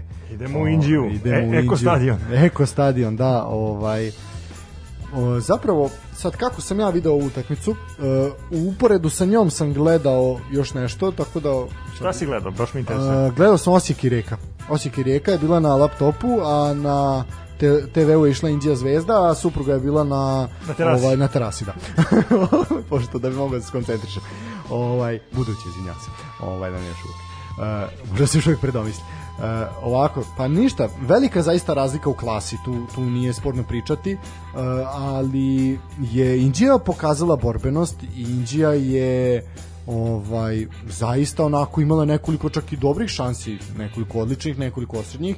Bastajić je bio zapravo ono ono što čovjek o kom pričamo ovaj svaki put kad pričamo o Indiji, Bastajić je zaista bio najopasniji po golu Crvene zvezde. E, nije branio Boren u ovom meču. Znači Boren Ko je bio Zoran Popović? Bivši golman Voždovca. Ne, ne, ne, zapravo samo moment, zaboravio sam kako se dečko. Jeste Zoran Popović pravo si, da. Meni se učinilo da je pardon, pardon, izvinjavam se, moja greška jeste Popović je bio, Popović je bio na golu. Ovaj e, Jovičić je bio sa sa kontra strane. Jovičić je ono što je mogao čovjek da odbrani, on odbranio, ali zaista ono, da nije mogao da reaguje bolje nego što jeste. Spasio je nekoliko odličnih odličnih ovaj šansi, ali dobro, mislim piše se, piše se zaista velika velika pobeda pobeda i uh, Crvene Mm. zvezde, da. Uh, ono što je zanimljivo reći da su sva četiri uh, prva četiri pogotka postignuta u prvom poluvremenu, uh, u drugom poluvremenu se tehnički vodi kao nerešeno, je jedan gol Zvezde, jedan gol Indije. Uh, Zvezda je drugi put na zaredom na gostovanjima slavila sa rezultatom 5-1. Indija je na 7 bodova od prvog tima koji se nalazi iznad crte i realno sada su već jako, jako male šanse za opstanak. Znači, zaglibili su Da, pa pričali smo o tome da su onako slamka spasa, uvijek je to slamka spasa i njima su zaista falili neki bitni bodovi protiv direktnih konkurenata, ali eto, u, pogodak utehe koji je postigao Bastajić u 63. minutu, zaista onako mislim, mislim da sad u Inđiji shvataju već da, da su jako, jako, jako male šanse izgledi da se opstane, ali dobro, ima tu još bodova u igri, još, još onako šanse, ali kažem prilično more, jako, sad više nije njihovim rukama, to je zapravo ono što je najveći problem, sad jako puno zavisi od rezultata. Zavi, zavisi i od rasporeda do kraja. Koje Naravno, ekipe da. igraju protiv Pa Inđije. to, nije, nije njima sve, sve baš, baš sad, se, sad se ne pitaju, zapravo se pitaju najmanje od svih ekipa. Uh, Ja sam čuo izjavu Dejana Stankovića koji je ovo prokomentarisao krajnje brzo, da se tako izrazim. Pa da, pa nema šta On je rekao da, da, da su oni sve završili to u prvom poluvremenu, da su smanjili gas, da se okreću narodni utakmici to je to, oni su Pa da. čekirali nova tri boda i idu dalje. Tako je, pa u 23. minutu je već bilo već bilo 3:0. E, pritom znači imamo taj 11 koji je izveo Pavkov. Možda bi te jedan strelac mogli da... Da, Da, a evo samo dok dok Da, dok, da li da mislim, Mare Mare da svoj Ja mislim komentar. da, je- da, da, da je bio penal. Da. Uh, penal Zvezde, Da. pošto i Inđija je imala penal. Da, da. da. Uh, pa da, po meni oba penala su Čisto. opravdano dosuđena, da, prvi igranje rukom, drugi očigledan faul, čak taj penal Kange je po meni uh, naj, da kažem, najočigledniji, najčistiji penal u ovom kolu koji je dosuđen. To je to. Dobro. Što se E, sad, što, imam ono što bih ja, samo još jednu stvar. E, Veljko Nikolić je zaista odigrao fantastičan meč. Imao je nekoliko zaista o, oduzeti, odlično oduzetih lopti, odličnih kretanja, odličnih vazdušnih duela. Znači, zaista, zaista imao onako impozantnu statistiku da indeks uspešnosti je bio veoma visok, znači postigao je pogodak, a imao je, mislim čak da imao osam presečenih lopti, e, šest ili sedam vazdušnih duela, znači zaista ne, dosta tačnih pasova. Bo- Borio se znači, sa ovom snagom protiv Zvezde, ali obzirom da igra nije mogao. Jednostavno nije, nije, Uh, Falcinelli je opet bio opet bio strelac, Falko je prvo pokušao nesebično da asistira, međutim igrač mu je vratio loptu i Falko je to sproveo za, za u tom momentu 4-0. Tako da u suštini to je to bi bilo to što se tiče Crvene zvezde i prvog finaliste jel naše kupa. A idemo na stadion Jugoslovenske narodne armije gde se gde je utakmicu igrao drugi finalista kupa. Da, ajde, ćemo prvo da iskomentarišemo kup, odnosno drugu utakmicu Tako je, kupa tako je, svakako da. između Vojvodine i Partizana. Tako je, prvo, Utakmica koja se igrala u sredu tako je. Uh, u sredu znači od na stadionu Karadžorđe. Tako je, po, eto kažem, opet je bilo lepo vreme u Novom Sadu. E, pa šta bih ja rekao u tom meču, Partizan je izveo najjači sastav, moguće u tom Mislim, i momentu. Vojvodina je izvela najjači sastav Tako i je. utakmica mi je delovala uh, u prvih mah skroz kruto. Obe ekipe su se plašile reakcije druge ekipe, pokušavali su da da pronađu mane svojim protivnicima, da pronađu neke uh, rupe gde bi mogli da, da pronađu svoju šansu. Utakmica sama po sebi nije bila nešto preterano interesantna i atraktivna. Čak šta više, moram, moram reći onako, kada je počela najava utakmice, e, nakon što su izašli igrači iz tunela, jel, Krupan Kadar bio je na ložu gde se nalazio e, selektor Stojković, jel, ovaj, svima nama dragi Piksi, I onako očekivao sam, ako je taj čovjek izabrao taj meč da gleda, mora da prašti na terenu, moraju pokazati da ono da ima tu materijala za njih. Međutim, osim Svete Markovića, ma ništa slabo, slabo, jako slabo. Ovaj, Eto, Partizan je postigao taj gol iz prekida. Jako- jako centar lep šut, centar šut, centar da. šut e, Jojića Zeka i Jović, gol da. Svete I Markovića. odličan, odličan skok, znači odličan udarac, sjajno je procenio loptu Marković, zaista fantastično postavio svoje telo tako da, da zakači loptu na najbolji mogući način. Imao je sreće, lopta se odbila od stative, jel? ali zaista, zaista onako jedan efektan, efektan gol. E, On je proglašen za igrač za igrač utakmice. U drugom poluvremenu imali smo onu situaciju gde je Vojvodina iz prekida pokušala da ove glavom postigne gol i po meni stvarno maestralnu intervenciju Vladimira Stojkovića. Tako je, mislim, koji je da, na kraju se i povredio, da. a, mislim da je to odbrana koju u suštini Partizan dovela do, do finala. Pa slažem se, slažem se sa tobom, da. On je tu bio u jako nezavidnom položaju obzirom da da je uh, napadač Vojvodine šutirao iz Da. peterca i stvarno maestralno intervenisao, pokazao dobre reflekse, još uvek. još uvek u, koliko ima on, 34, 5 više. Sad ćemo vidjeti, a što se tiče toga, znači ono Golman Stojković je doživeo doživeo povredu uh, 37, 37. druže moj, 37, da. Omašio sam žestoko. I mi smo ostarili, a i on je. Ovaj Da, uh, on imao jednu tu kažem nezgod, nezgodan udarac je jedan bio sudar i tu se onako povredio, ukazivala mu se pomoć, međutim on je hteo da nastavi da igra. E tu te tu situaciju je onako trener Lalatović malo, malo po meni ružno prokomentarisao, mislim da to ne, mislim da nije trebao da traži nije trebao da traži alibi za svoj pa poraz u tim da, da, situacijama. mislim možda je teška reč opra, reći opravdanje, ali tako se ispostavlja prvu stvar koju je rekao ne priliči da ne priliči da ležite na terenu, a zašto tvoji momci nisu za 90 minuta dali gol? Mislim Ili bar šutnuli. Pa, Onda dobro, imali su te, te, imali su priliku da, ali zašto nisu napravili još 10 prilika kao protiv Metalca? Mislim, mislim i protiv Metalca nisu pobeli u linije, ali tako da zaista onako, mislim da čak ta reakcija nakon Metalca je posledica toga svega, da, se da, pa cijela da, energija koja nakupilo je, se, da. koja je bila veoma Da, e, nepovoljna za- Tvoj za komentar na transparent na istočnoj tribini stadiona Karadžorđe za podrška, podrška treneru Lalatoviću kao doista najuspešnijem treneru Vojvodine po statistici. Pa i da se ne lažemo, Latović je sa Vojvodinom napravio izuzetan uspeh. Prvo donao im je prošle godine kup, ove godine su ušli u kvalifikaciju, odnosno pre, bit će predstavnici Srbije u kvalifikaciji za, Možda će, za ligu mislim, konferencije. mogu čak reći da će mi biti i žao što... Pa naravno, mislim, prvo mi gledamo to i, i kroz futbal, a onda gledamo i kao performans koji Nela Latović izvodi iz, iz nedelju u nedelju. I stvarno bi nam bilo krivo da on ode iz srpskog futbala, jer mislimo da još uvek može da, da dominira ali to je na priča... pres konferencijama, ali I duž out linije je. pa i duža od linije, slažem se. Ovaj, ali eto, vidjet ćemo šta će biti. Sve u svemu, eto, ja sam dobio neku informaciju da, da će on napustiti ovaj, na kraju Da, sezone. pa to je te priče kruže već neko vreme, a izgleda da su sve sve tačnije i tačnije, da. E, nadam se samo da Mislim, pričali smo o tome više puta. On je definitivno prerastao našu ligu. U smislu prerastao je klubove u našoj ligi. On je jedini klubove u kojoj sada on može nešto da radi, to su Crna zvezda i A Partizan. nje- njemu fali titula. Da, da zaokruži ceo taj Pa, je, sistem da- boravka u srpskom futbolu na, na, Mislim, ako, na klupi za... ako pogledate koje sve timove on vodio, mislim on je čovjek vodio po pola naše lige, mislim to to je ovaj zaista zaista onako fascinantna, fascinantan CV ima i ne znam, nadam se samo da će izabrati dobru sredinu za sebe, da neće otići poput nekih ovaj za arapskim ili kineskim novcima, nego da će zapravo iz, otići u ligu gde može da se razvija kao trener da ćemo konačno pored nakon Slaviša Jokanovića ili drugih trenera imati imati naših predstavnika u, na ozbiljnoj mapi fudbalskoj mapi sveta i Evrope. To za bi rekao odlazak u Levski. pa to za Sofija, ali- neko, da, da. ali ja da. iskreno mislim da, da možda Nenad Dulalatović u ovom trenutku bolje da ode u neku ligu gde će moći da, da napreduje kao Tako trener i da tako se vrati jednog dana što ne kao možda i, neki selektor da li mlađe kategorije ili čak i, Pa i da, državnog imao je tima. imao je, da, imao je tu da, šansu, ali ali eto, to nije to iskoristio. da. Sve u svemu, eto, Mislim, Partizan, Partizan zasluženo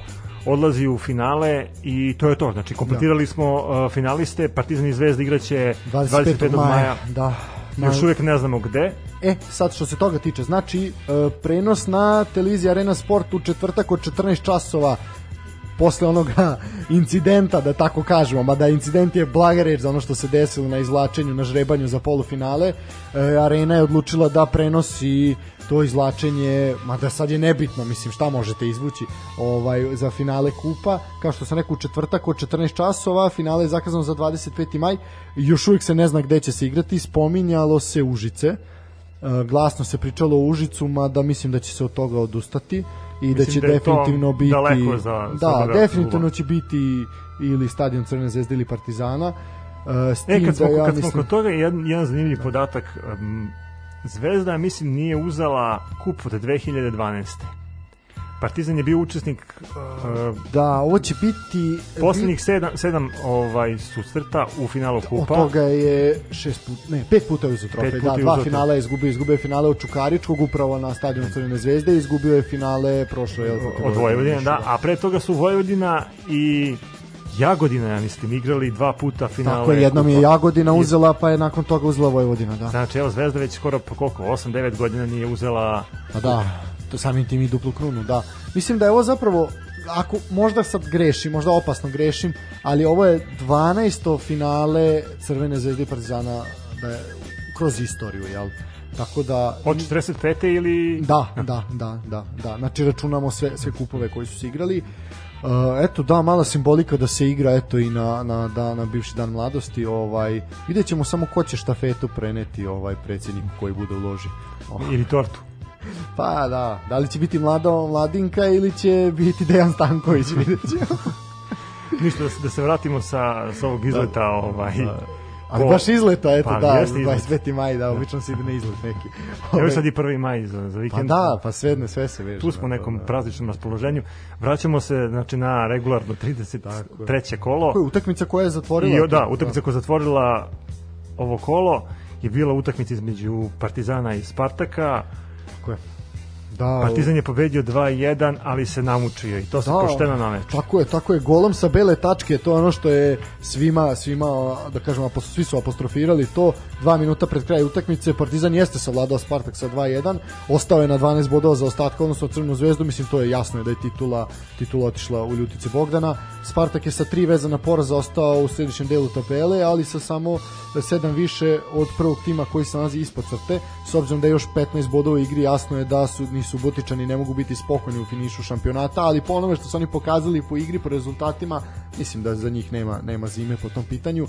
Što se tiče same same utakmice, Pavlović je ovaj postigao prvi gol za Partizan u 38 minutu. Konačno je postigao gol Konačno Lazar postigao da gol iz onako jedne, pa može se reći čudne, čudne akcije. E, što se tiče, e, opet je Partizan promašivao, znači opet, i opet imamo to što se već pa, o- imali smo jedan period Partizana gde su bili zaista neverovatno efikasni. Svi su padali po 4:0, po 5:0, po znači jezivo je šta se dešavalo. Ovaj zaista su bili strah i trepet onako jedna kaznena ekspedicija. Ovaj ali eto onda onda sad je već tri utakmice zaredom, to je patnja živa, mislim. E, ajde protiv Vojvodine nije bilo toliko šansi u kupu, ali Mislim da je možda do, dolazi do, do pada forme.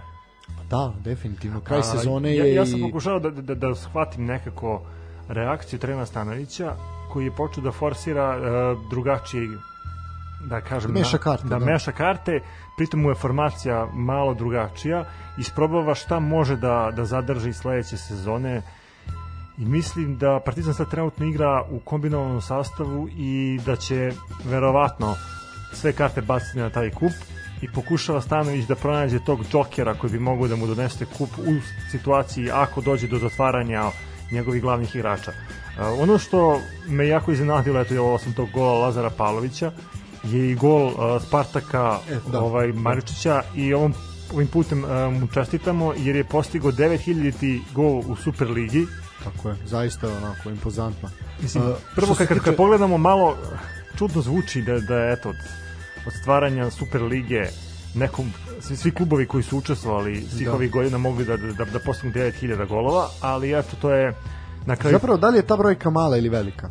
To je ja, pitanje. ja mislim da je da je u početku bila mala, ako gledamo hronološki da je naša liga bila karakterisana u, u Evropi kao jedna od naj neaktivnijih liga je. kada su golovi u u pitanju, periodu, da. ali eto zadnjih par godina imamo imamo goleade na, na, nekim utakmicama. Zaista, Imali smo ove Partizan- sezone i pogotovo. Imali da. smo i Partizan i Zvezdu, ali takođe ono što smo mi pričali, imamo i veći broj klubova koji se takmiče u Superligi u odnosu na I to je tačno, da. na prošlost. Uh, sve o svemu, eto, 9000 gol, uh, što bi rekao Željko Sameđić, 9000 Da, što bi rekao član upravnog odbora pošte, Željko Samadžić, da.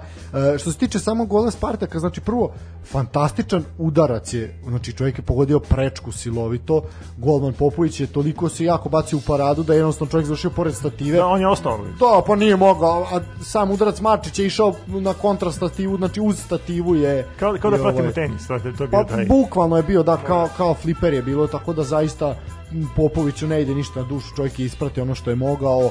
Kažem eto, po meni je tu veća greška odbrane koji nisu zatvorili Marčića, ali o tom potom. E sad, dolazimo do sporne situacije. E, to je e, penal za Partizan, znači e, Štulić je bio u naletu, e, ruši ga igrač Spartaka koji je dobio i crveni karton i dosuđen je 11 terac. Da, Mare. pa definitivno je to e, trenutak kada je, da kažem, podignuta najviše prašina na, na ovoj utakmici. A,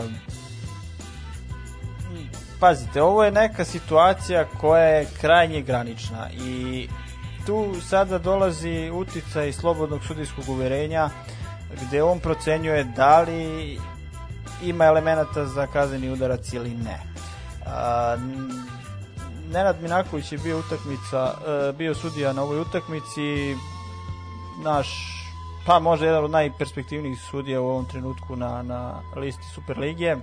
Uh, sjajno se kretao, ovde vidimo pre samog penala pušta prednost, uh, dolazi do tog kontakta uh, kod spornog kaznenog udarca, on čeka realizaciju akcija jer je postala mogućnost Da, da, da, lopta da je išla ka golu, gol tako je, da. i kada se vidi da igrač Spartaka sklanja loptu, tek onda uh, dosuđuje Da. kazneni Moje udarac. pitanje sad tebi je, da li misliš da je morao i crveni karton ili i jedan isterec ili je mogao samo jedan isterec? Crveni karton je definitivno morao, jer uh, ako je već dosudio kazneni udarac, jer u tim situacijama, znači igrač uh, ide da postigne gol, uh, ostvaren je faul, on zbog toga ne, relaz, ne, ne može da realizuje svoju svoju akciju, svoju zamisao i to se kažnjeva crvenim kartonom. Kao sličan je primjer bio u prvoj utakmici što smo komentarisali Novi Pazar. Da. Međutim, jedina, da kažem, druga strana koja druga teorija koja može ovde da, da se razmatra je da li je uopšte trebao da dosudi taj kazneni udarac, o,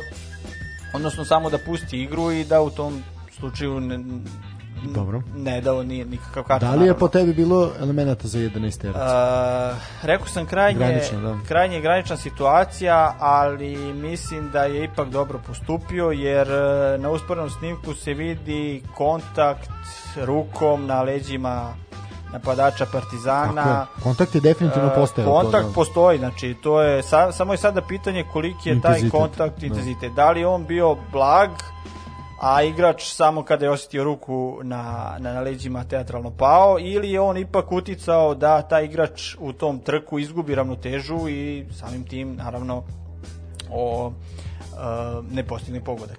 Uh, po meni mislim da ipak u ovom trenutku uh, dobra odluka. Uh, jeste da uvek takve odluke kada se donesu pri kraju pri kraju same utakmice i to Da. uh, upravo, upravo to je bila moja poenta da možda je, možda je sudija zaista mogao da, da kažem da da žuti karton samo da se upravo ne, zak, ne, de- podi- ne podigne intenzitet u 90. minutu mislim da to E, ne može da da žuti karton jer su pravila tu jasna. Znači, ako je sprečen očigledno A zar nije bilo pogotka, zar nije bio savet UEFA da ono ako ide ako ide penal da ne mora baš i crni karton To je, to je bio savet, ali zvanično nije usvojeno to pravilo. Uh, da, jednostavno mnogi uh, stručnjaci koji razmatraju promene futbolskog pravila smatraju da je to ipak pre, prevelika kazna da neki tim bude kažnjen i penalom i još crvenim kartonom da u tim situacijama jednostavno ako je već dosuđen penal da igrač dobija žuti karton a ako je recimo faul van 16 terca a sprečeno očigledno postiđenje pogotka onda da bude slobodan udarac a crveni karton Da. međutim e, e, to za sada zvanično još uvek nije usvojeno. E, ne znam da li nas, naši slušalci znaju ali e, jednom godišnje se sastaju delegati međunarodnog borda koji razmatraju eventualne amadmane i izmene pravila futbala e, koji se tokom godine određeni futbalski savezi e, podnose e, kao eventualno moguće izmene. E, i onda na tom glasanju se odlučuju da li će doći do, do, do izmena pravila. Evo možda da napomenem, znači procedura je da postoje četiri delegata iz e, tradicionalnih futbol, futbolskih e, saveza Da, Engleska, osnivača, da, da. engleske, škotske, velsa i irske i postoji e, četiri glasa koji predstavljaju FIFA-u. A da bi se neka e, nova novo pravilo ili nova izmena pravila desila, potrebno je da šest glasova budu za od tih osam. Tako da, Da li neko ima pravo veta, znači da se nečiji glas da poništava odluku ili Ima pravo veto, znači svako daje svoj glas za ili ne, ali poenta je da FIFA kao krovna organizacija ima četiri glasa. I Da. da. sada a, jednostavno bez njenog glasa za ni jedno pravilo se ne može promeniti. Ali isto tako ni ona sama bez- ne može doneti a, jednoglasno bilo koji Da li mi ti misliš da je takav sistem pošten i dobar? A, pa to je isto diskusija koja se vodi već godinama. A, mnogi misle da to jednostavno koči samu, da se jednostavno nova pravila zbog tog sistema jako teško uvode. Jer je e, jako teško postići, kažem, 6-7 glasova za, e, i svedoci smo da tokom godina futbol se nije drastično menjao još od svog osnivanja pa evo do, Da, vrlo su sitne zapravo, da.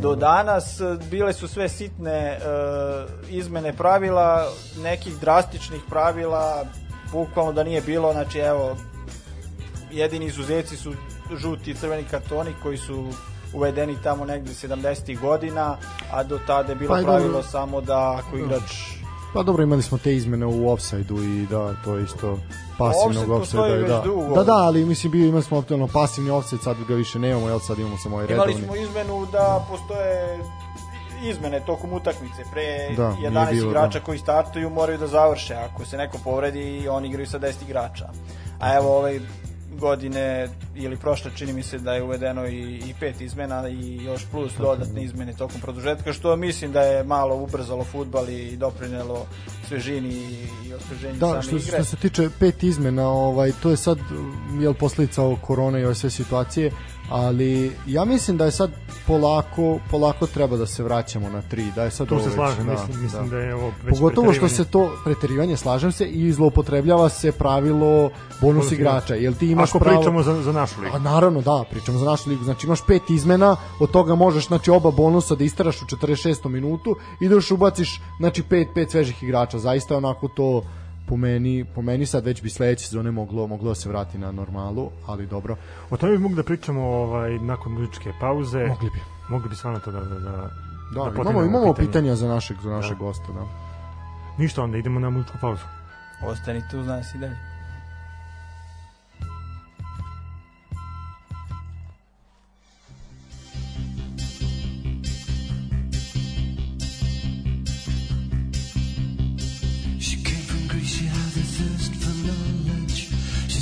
sculpture at St. Martin's College, that's where I caught her eye. She told me that her dad was loaded. I said, in that case, have rum and Coca-Cola. She said, fine.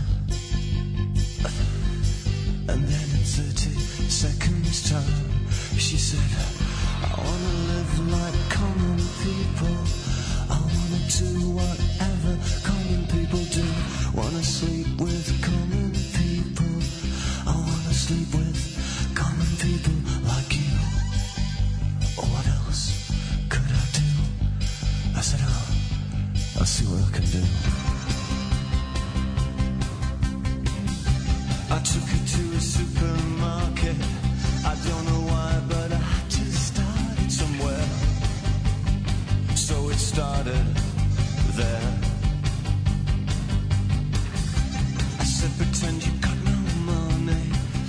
just laughed and said, Oh, you're so funny. I said, Yeah.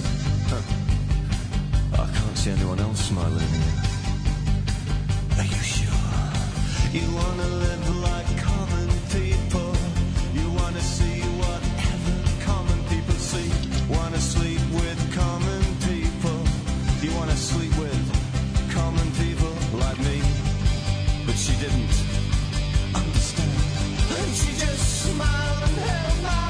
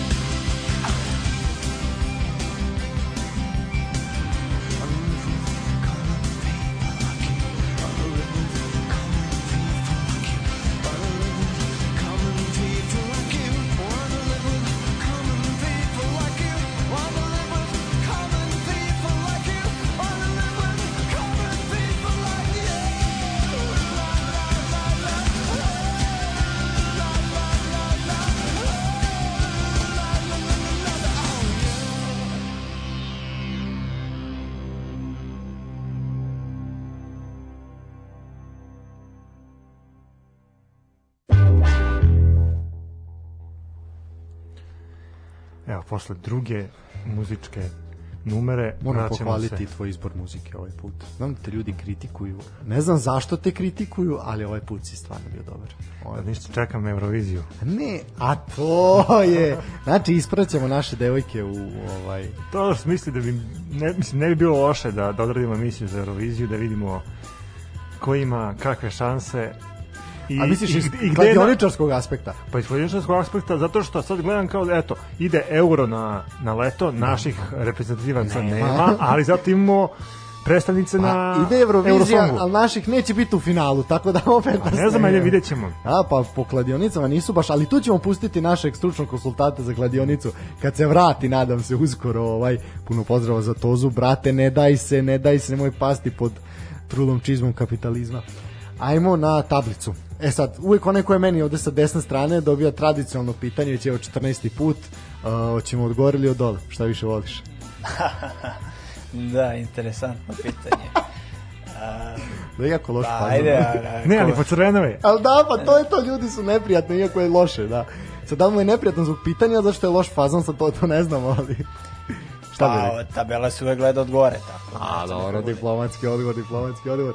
Ništa, Crvena zvezda definitivno, ovaj, mislim svima je jasno da je šampion, tu nema šta, 95 bodova, uh, idu kao ono, karačaju kao onoj projekciji CISA da budu preko 100 bodova i bit će debelo preko 100 bodova. Uh, Partizan drugi sa 83, tu se ništa ne menja. Kao što smo rekli, Vojvodina i Čukarički su i matematički obezbedili uh, kvalifikaciju u Ligi konferencije. Vidjet ćemo kako će se snaći u tom takmičenju.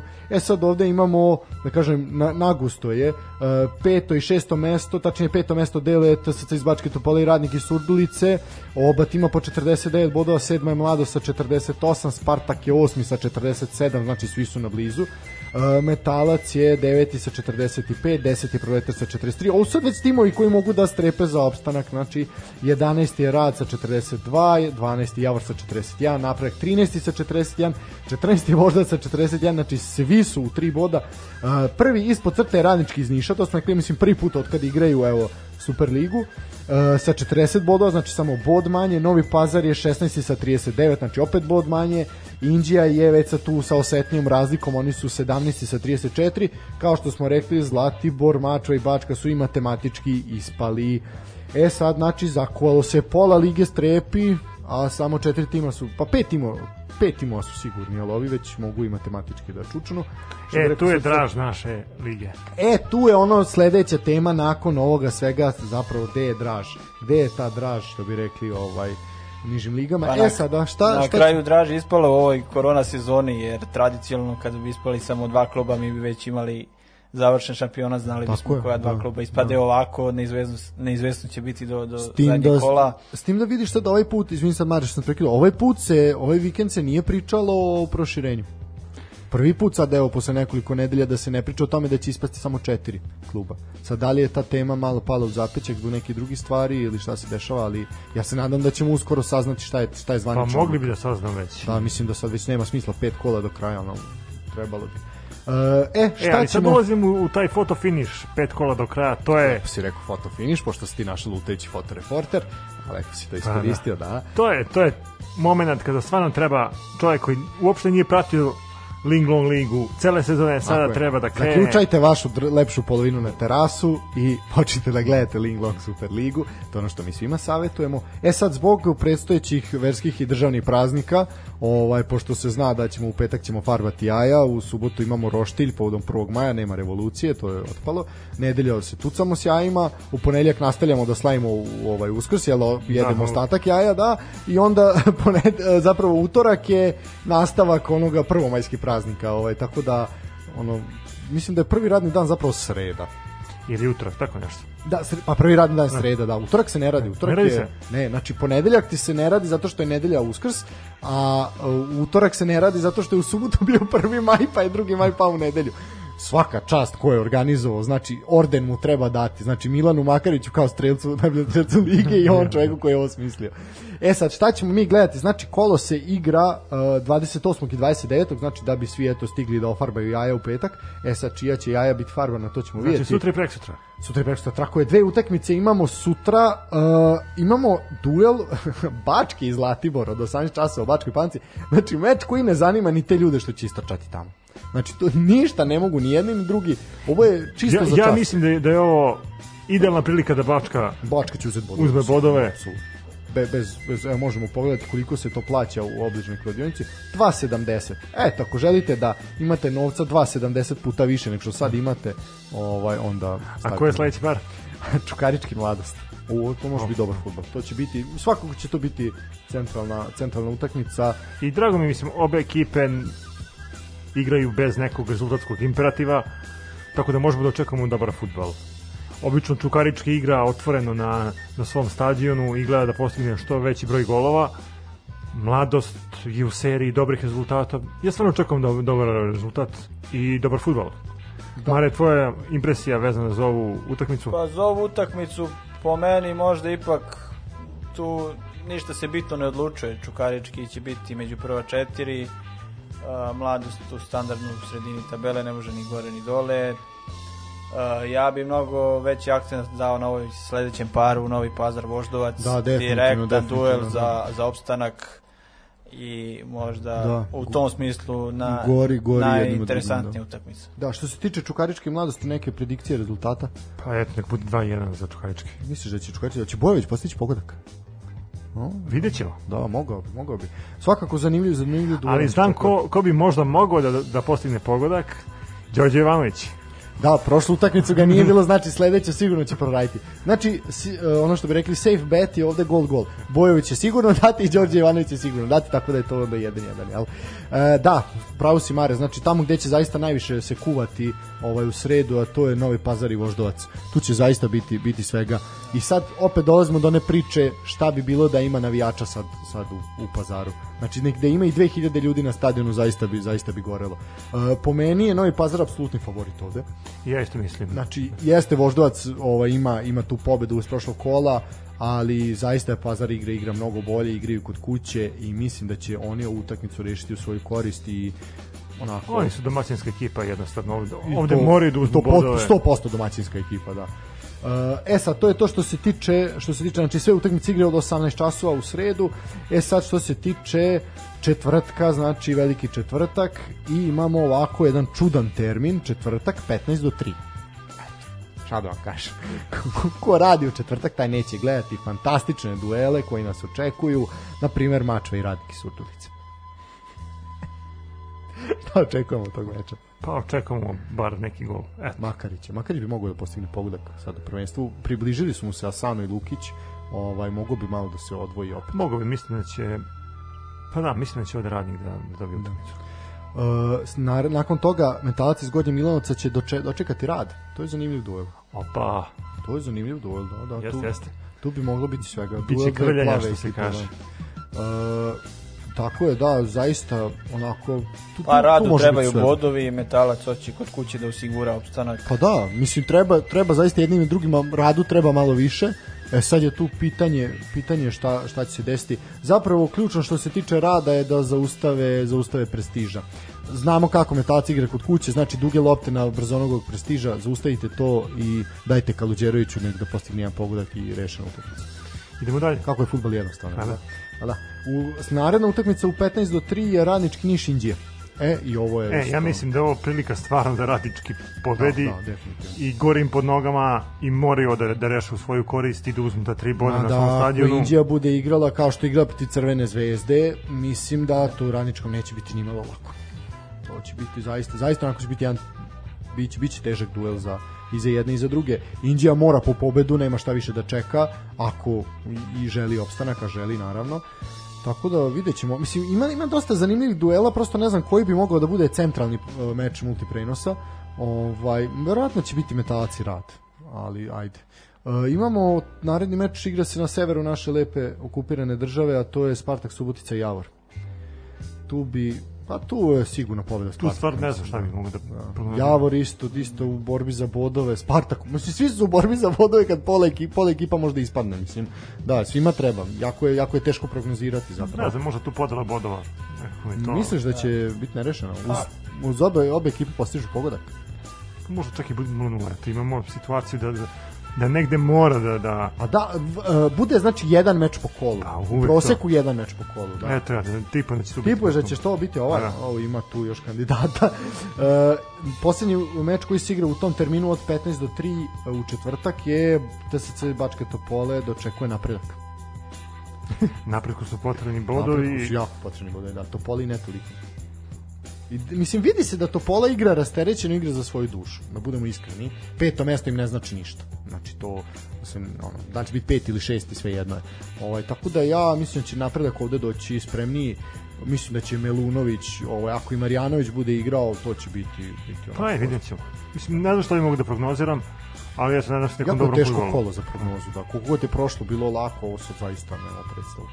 Što znači da neće biti dobitaka, verovatno. Nije bilo ni prošli put, sad ovaj put, da, nemojte ni prilaziti. Uh, I u 5 do 5, kakvi su termini sve na 5 minuta? U 5 do 5 Proletar Partizan u Novom Sadu na Karadžiću. Tu se nadam pobedi Partizana. Da li će naš lutajući reporter biti pristan ovoj utakmici? Ja se nadam da hoće. Ovaj, Što verujem da hoće. samo lutajući reporter ćeš povesti nas obične smrtnike. Zavisi od raspoloženja.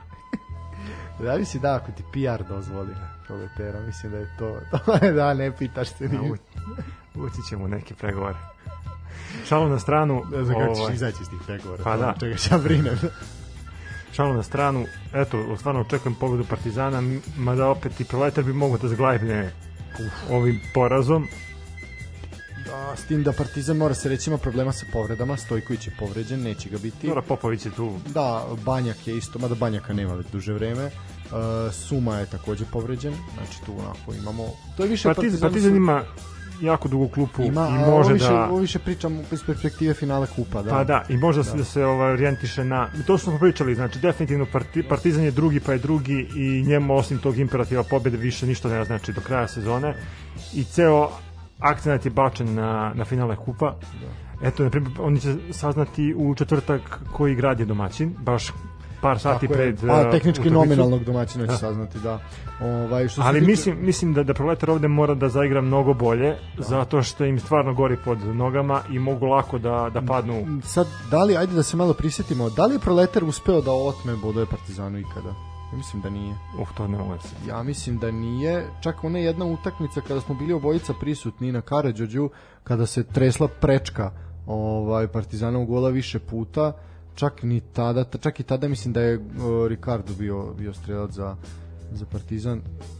Da, da, definitivno. U posljednjih pet, pet duela da Proletar je uspeo samo da postigne, postigne jedan pogodak i to na, na stadionu Jugoslovenske narodne armije. Tako da vidjet, vidjet ćemo, mislim, gorim pod nogama, moraju, moraju da, da se bore. Uh, I od 5 do 7 uh, posle utakmice koja zatvara ovo 34. kolo Crvena zvezda Vojvodina, Ala Latović protiv bivšeg kluba i kao igrač. Ja mislim da je to moment kada Zvezda stvarno može da osigura A, da, da, da, titulu proslava, i da. mislim da nema boljeg načina nego protiv Vojvodine. Misliš da se Lalatović neće usprotiviti Crvenoj zvezdi? Pa mislim da neće. Mislim i i da se usprotivi Zvezda ima mnogo veći imperativ pobede jer su, ne znam, u seriji od ohoho, 22 sad ja mislim da nisam siguran. Ovaj tako da pa dobro da, mislim ali definitivno to to je to, ovaj tu se tu se završava priča priča o tituli što se tiče Crvene zvezde i oni se definitivno okreću toj duploj kruni koju žele, dugo godine nemaju i onako biće mislim da će svaka utakmica posle ove zapravo biti priprema za finale. Upravo to. Da, da. U suštini mislim da mi već sad možemo, kad govorimo o Zvezdi i Partizanu, da, da pripremamo polako emisiju za taj 25. a i e, da se takođe baziramo na odvijanje u donjem delu tabele gde je stvarno borba žestoka. Definiši donji deo tabele počinje od 10. mesta. donji deo. A to je to kao prve četiri ekipe smo već arkirali, oni Da, idu... pa pete, šest, znaš tu da će biti Pe- Topola Peta, ili šesta, da. sedma igraju za svoju dušu, već osma deveta su tu ne, i krećemo dole, udri. Seča knezova, ovo je ozbiljno. E, dobro da, to je to što se tiče najave. Ovaj uživajte u direktnim prenosima na Areni Sport. A mi ćemo sad jedan kratko, sad mislim nakon što smo analizirali sad ovu tabelu i ta kola i te utakmice koje su zaista prezanimljive, ja moram da ovako jednu temu pokrenem ponovo. Zaista e, prija gledati ovako neizvesnu ligu, ovaj moramo to priznati, svi koji vole fudbal domaći će se složiti sa tim, ali je po meni devastirajuće to što je grozno je što nema publike. Znači to to toliko je porazno. Imamo tu arenino puštanje navijača koje ajde sad može Ne, se to već polako nervira. Nerviralo nas je od starta, a ako ćemo iskreno. i ostale da. zaljubljenike u fudbal. Ovaj, ali ono što je tužno je, je porazno da smo svi zaista digli ruke od te teme i pomirili se sa idejom da nema publike na stadionima. Pa, mislim, makar nek bude 30%, nek bude i 15%, to se može organizovati. Znači, zaista je potrebna, potrebna volja, ali nema već, već neko vreme, nema ni nekih projekcija, ni predloga, kako bi to moglo da izgleda, a mislim zaista je samo potrebno malo želje i organizacije. Ako ulazimo sa tu epidemiološku ovaj sferu, sve više ljudi se vakciniše, mislim mi smo svedoci da su redovi ispred Novosadskog sajma neverovatni po čitav dan i evo za To vreme je zbog Girosa. da, da, da, da, da, da, da. Ovaj, uzmeš giros, dobiješ i vakcinu. Ovaj, akcija dva zela. Nevjerojatno. Ovaj, da, ali recimo, na primer, eh, radit će, sajam će raditi, sva mesta za vakcinaciju će raditi preko praznika, što je zaista, žao mi je tih ljudi koji rade tamo, ali ajde, rade za neki ono veći cilj. E, tako da, ajde, sve više ljudi ima antitela, znači, ako dolazimo do nekog, deluje da sad izlazimo iz te neke krize po epidemiji, ajde, makar na, sa našeg nekog aspekta. Ja se slažem sa tom tvojom konstatacijom, radići za veći cilj, a taj veći cilj može da se ogleda u tome da dođe do puštanja navijača na... Pa da, ali nije mi jasno Na da niko, stadione. da niko ne nominuje tu temu. Znači, mislim, uzmite u obzir timove koji se bore za opstanak. Znači, vi u Novom pazaru bi sad protiv Voždovca, pa grad bi bio paralisan. Znači, pa to bi, taj grad ži, realno živi za futbal. Mi znamo da oni imaju ozbiljno udruženje navijača, ozbiljnu navijačku grupu. Na- Namerno sam rekao odvojeno, ali nije isto udruženje i navijačka grupa. Znači, Ne, stvarno, a- mi gledamo i po prenosima ljudi koji imaju prisustvo na, na stadionu. Pa da, da se stvarno... uželeo futbala, mislim, pa videli smo šta se desilo, mislim da je to upravo uh, ok, neka okružna liga u Raškoj oblasti gde su igrala dva tima, jedan je iz Novog Pazara, drugi je neka okolina, gde je bilo publike na stadionu, znači bilo je, bilo je ljudi na tribinama i tako sasvim solidan broj. Po meni mislim da treba samo samo ovaj malo volje, ali što kažeš, mnogo čega smo odustali od raznih borbi, pa smo odustali i od ovoga. E, pre neki dan sam gledao večiti derbi iz 2014. godine, to je bio 26. april, jel? Ona je čuvena Lukačeva dva odbranjena penala i zaista Kojićev gol na kraju i Da, to je fantastično. jedan od boljih derbi u zadnjih 20 Jedan od boljih derbija, znači prvo stadion je goreo, znači goreo, ta atmosfera tako, ja, ja se sećam dobro gde sam bio, ja nisam bio na stadionu, gde sam bio u tom kad se taj derbi igra uživo, znači ta, atmosfera na to stadionu zaista, zaista je, zaista je nešto, nešto fantastično. E, arena pušta na, na tim većim brojima, puštate neke, da kažem, legendarne mečeve iz Lige šampiona i tako dalje, pa čak i učesnici balkanskih, jel, da kažem, balkanskih liga, pa je puštan je a, legendaran duel Hajduka i Anderlehta iz tamo neke 90. i neke godine, znači vi kad vidite krcat poljud koji to izgleda fantastično i onda dođete, puštali su na primjer Hajduk Everton, to su bile kvalifikacije za za, Da, za Ligu Europe to gde je, gde je Radošević pocepao Pickforda onako na jedan fantastičan način, ali jednostavno i onda dođete na to i dođete na Karadžić gde dolazi igraju Vojvodine Metazde realna utakmica koja je uz publiku bila fantastična gde je jednostavno to toliko tužno da, da ja ne, ne znam kako bih. Znači mislim da može 15% može sigurno a može i 30 znači možemo da držimo odstojanje može se svakom izmeriti temperatura naprskajte nam ruke da protrljamo nosit ćemo masku i pustite nas bre da uživamo u fudbalu konačno. Lepo je vreme mnogo je lakše to organizovati na stadionu nego u košarkaškim halama pogotovo što su one ajde zatvorene tipa ali mnogo manje. Tako da nekako stvoriti se neka primjer, im- imali atmosfera smo nešto. priliku da, da, da ispratimo odbojkaški kup gde je bilo navijača. Da, da, da, da, da. U nekoj meri, ali bilo navijača. Ništa, eto, to je sve do, do, do, do futbolskog saveza, do zajednice supergaša, je. između ostalog tu bi možda mogo da se izvrši pritisak i na, i na ljude koji su odgovorni za ovu situaciju u kojoj se nalazimo, ali eto, to ostaje i dalje znak pitanja veliki, da li je to izvodljivo ili ne. Pa mi smatramo da jeste, sad ostali nek, nek naši gradski i državni oci i majke odluče da li daju. Samo je jedna srpska majka. Samo jedna majka, a jedan nam je i otac Boga. Ništa, ajmo na jednu malu kraću pauzu. Kratku pauzu, pa ćemo se onda malo pozabaviti našim gostom.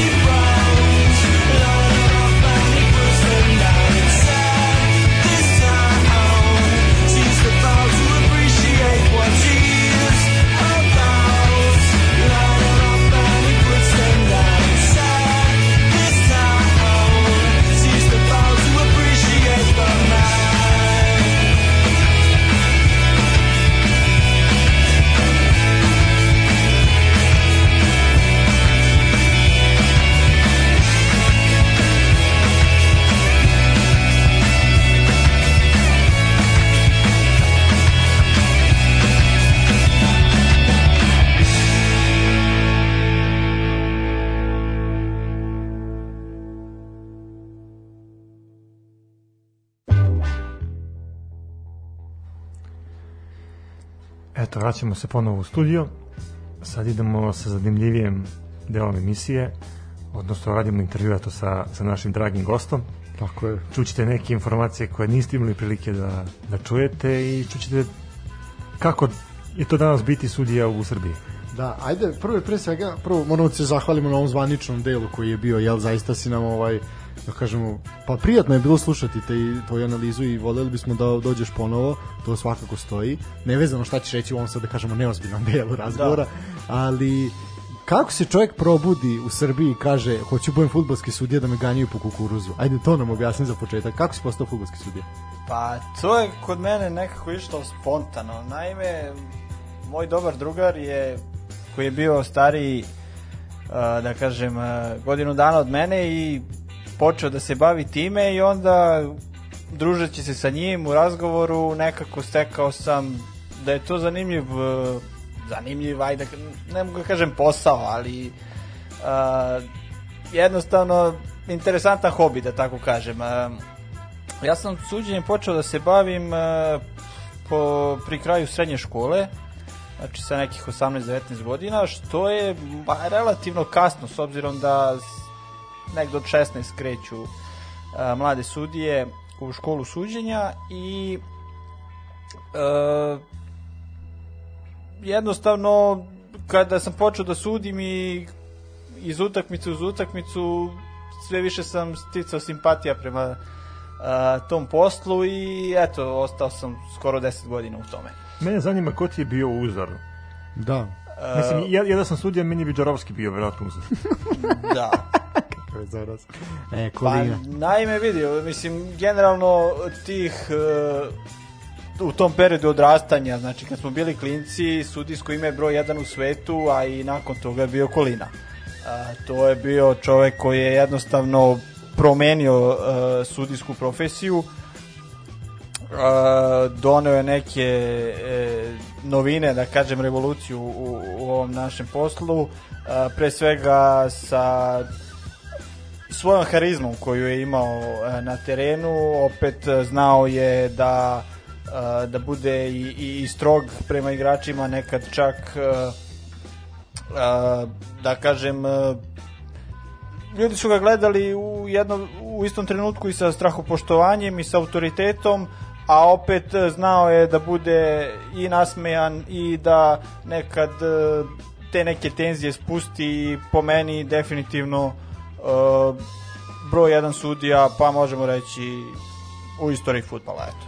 A od domaćih? Uh, od domaćih, pa dobro, mislim, zadnjih godina Mažić je definitivno napravio uh, najveću karijeru od svih uh, srpskih sudija. Uh, u trenutku kada, mislim, imali smo mi ranije velike sudije, uh, Zoran Petrović je sudio Tako dva uh, svetska prvenstva, uh, imali smo Maksimovića koji je takođe sudio svetsko prvenstvo, uh, imali smo sudiju u finalu Lige šampiona, uh, kada su igrali Ajax i Juventus, to ljudi možda ne znaju, Milivoj Gugulović iz Niša, ali Ajax Juventus je bilo utakmica se koja u se igrala u Beogradu. Igrao se u da. Beogradu, da, i mnogi bacuju senku da je on dobio to samo zato što je naša zemlja bila domaćin, što možda i jeste, da se ne lažemo. A, Postoji još jedna zanimljiva priča vezano za to finale Lige šampiona. Kažu da je tada prvi put marihuana ušla u Beograd. da, da, to je, to je ka, policijski zvaničnici tako kažu sad a dalje. misliš da su neki navijači donali ili? Pa ja ne znam sad to ne neću da aludiram ni na koga, ali zna se ko voli kolačiće sa travom da, jede, da. Ovaj, izvini se, nastavimo. Ne, ne, e, znači kažem, eto, to su ti neki uzori, ali inače ja kada sam počeo da, da sudim, to je, da kažem, u tom trenutku Mažić, pa bio je naš najbolji sudija, ali nije bio u evropskom vrhu u tom trenutku. On je kasnijih 5-6 godina nakon toga isplivao. U tom trenutku broj jedan sudija je bio Howard Webb i definitivno meni je on najviše simpatija ovaj, e, imao jer e, tačnije i 2010. je sudio čak i u iste, iste godine finale svetskog prvenstva i finale Ligi šampiona. šampiona to se nikada ranije pa ni kasnije nije desilo da jedan sudi u istom u iste godine sudi dve najvažnije utakmice u, u, u, u toj sezoni to je njemu pošlo za rukom sudio je velike utakmice u, u Engleskoj i eto da kažem taj neki prvi uzor u tom trenutku kada krećeš da sudiš, a gledaš na TV-u vrhunske sudije, sudije. onda, pa, dobro da, to je ispalo tako slučajno, Uh, evo Mažić nije ćelav, ali... A bit će uskoro, a? ali definitivno mislim da je da je Howard Webb uh, imao neki da kažem taj uh, uh, stav i izgled na terenu da da je ulivao autoritet među igračima imao je opet i, i za njegov malo veći stas ovaj Jel on beše izuzetno- policajac, je li tako? da da u, Policajac. Policajac je bio po profesiji, međutim u Engleskoj su sudije profesionalne, tako da on uh, morao je da zamrzne svoje zanimanje policajca dok je bio profesionalni Eto, sudija. odlično si, odlično si sad na- naveo, dao šlagvort za jedno pitanje. Uh, kod nas sudije nisu profesionalne, Nisu, to je jasno, da. da. Kako uh, sad kako ovaj da li možeš da nam objasniš kako to sad se ukombinuju obaveze znači gde moraš da se posvetiš pogotovo ako si sudija na ozbiljnom nivou kao što je superligaški jel sudija kako uskladiš svoje obaveze sa poslom i sa svim da bi da bi uspeo i da ispratiš ispratiš da budeš sudija iz elitne grupe na primjer Da, pa dobro, sve zavisi od posla kojim se svaki Eto sudija Novak Simović je, ja bavi. mislim, profesor fizičkog, je li tako? E, ja mislim da je no, da on radi kao profesor fizičkog u školi. Iskreno ti kažem, nisam siguran. Mislim da e, jeste. a- Ne, ja znam za Mažića da je bio u Zlatiborcu. Ma, tako je komercijalist, da. komercijalni direktor je Pa bio. da. menadžer, da. Da, da. A kad smo na primjer kod toga, šta je potrebno da ima jedan kvalitetan sudija da bi mogu da napreduje? Koje su, ne znam, Da, što je, na primjer, da, što, recimo sad ti si rekao, ajde nisi toliko ni, ni star krenuo sve to, ali što kaže Stefan, šta, šta te je tačno omelo sad da nisi dosegao neke, neke veće visine? A, pa, znate kako? Povreda. ne, nije. Prednji ukršteni, da? nije, nije povreda, ali da bi se potrefile neke stvari, mislim da veliki faktor igra i, i, i, i sreća, da tako kažem. A, naime, a, kod sudija važi pravilo kao što inače kod klubova da svake godine recimo 1, 2, 3 sudija koji su u tom trenutku najbolji na uh, na ligi i sledeće godine napreduju u višu ligu. Naravno, sudije kada krenu, i ja kada sam počinjao da sudim, najpre sam sudio samo utakmice mlađih kategorija, znači... a jel se dobiju neki, neki bodovi za suđenje, ne znam, kvali- kvalitet ne, suđenja se ocenjeno dobijaju se bodovi, ocene. se ocene, da, da. da. Te ocene su pa formalno teorijski od 0 do 10, ali Ali Možeš da prepišeš nešto.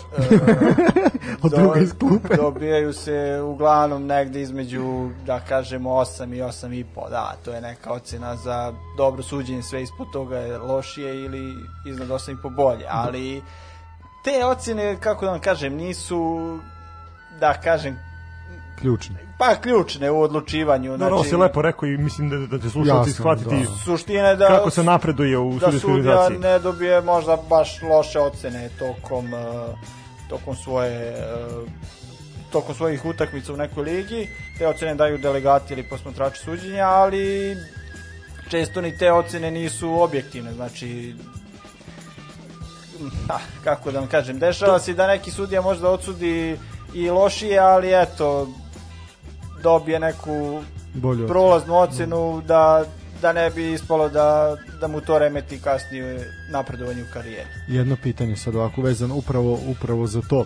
A, kako kako znači dešava se dešava imali smo tu situaciju više puta da sudija bude znači kaže se i izađe i sudijska organizacija kao da je sudija je pogrešio u redu sve i sudija se kazni ili suspenduje na neko vreme i to sve kako to zapravo utiče utiče na na sudiju kako se iz njegove tačke na njegovu Pa, sudija karijeru. u suštini da, onda na neki način izgubi na autoritetu svom i jednostavno svaku narednu utakmicu e, koju bude sudio e, i gde god bude neka situacija da se sudi jeste ili nije, kao što smo možda sada imali neke penale koji su granični, to što on e, dosudi, ljudi će pričati, pa eto, on je loš sudija, tad je e, imao, znači, bio je suspendovan i znači osporavat ćete o, e, tu njegovu odluku dok recimo eto imamo primer Mažića koji je po, mislim da srpski sudije svoj autoritet najviše izgrađuju na, na evropskoj sceni. I ako je neko sudio finale Lige šampiona, uh,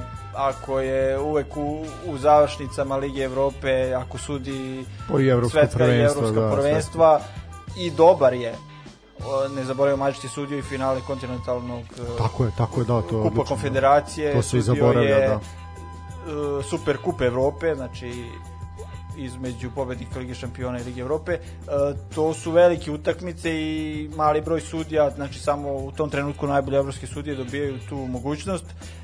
Samim tim rasti njegov autoritet u zemlji i čak i da možda odsudi neku slabiju utakmicu u Srbiji i da ima neku diskutabilnu odluku, ljudi jednostavno njemu veruju jer je on, eto, Mažić, izgradio svoj brend i svoje ime.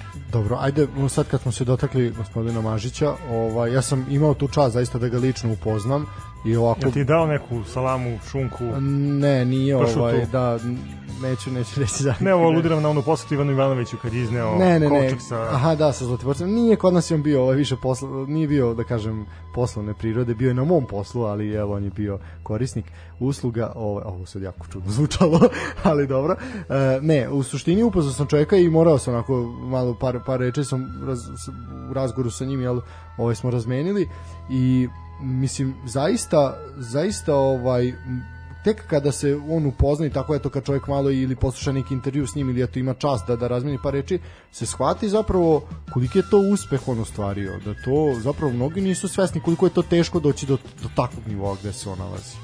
Da, i onda dođeš na primjer na večiti derbi i onda te osporavaju kao da nemaš pojma a čovjek sudi pre toga finale Lige šampiona a ovde, mislim, i delovalo je par puta, sad, sad moje laičko mišljenje, da je onako bio u Grču, u većem Grču kad svira večiti derbi, nego kad sudi finale Lige šampiona. E, da. Naime, ja sam naravno imao čast kroz posao da upoznam Mažića, čak smo i e, na mnogim e, nekim treninzima i seminarima e, razgovarali o o futbalu i uopšte futbolskom suđenju, a pretpostavljam da aludiraš na onaj derbi kada je sudio dva penala. Ne, ne, ne, ne mislim samo ta, ne, ne, ne, ne, uopšte, nego više puta on je, vidi, jedan i drugi večiti rival ga je otpisivao, tražili su, sećamo se, Zvedan Terzić je tražio njegovo izuzeće prvi, pa onda su ovi drugi, pa tako, u, u, u krugu, u krugu, u Ako krug. te jedan i drugi tim otpisuju, e, to samo znači da ti sudiš objektivno, a da se to možda jednom od ta, ili obojci klubova ne sviđa, jer žele svog sudiju sa kojim imaju sigurnu, da kažem, Da, da, ne pobedu, ali vetar u leđa. E, kad ste spomenuli da poznate sudije, ja moram da kažem da ja znam, mislim imao sam prilike da upoznam Miroslava Radomana, ali mi smo pričali o ženama, nismo pričali o futbolu. A ti si, pa to je pametno zapravo, pa to je pametno, da, pa šta ćeš pričati o futbolu, ko priča o futbolu? Sudili smo o o nečemu drugom, odnosno nekom drugom.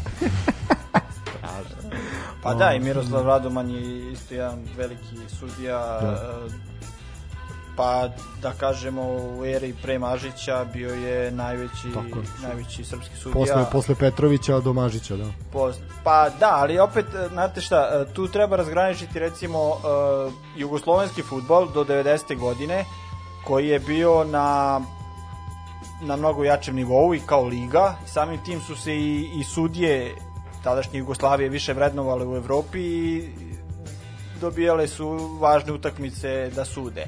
A onda, posle onih godina ratova i sankcija, e, jedna mala zemlja dobije sudiju koji je praktično evropskog Kalibra, da.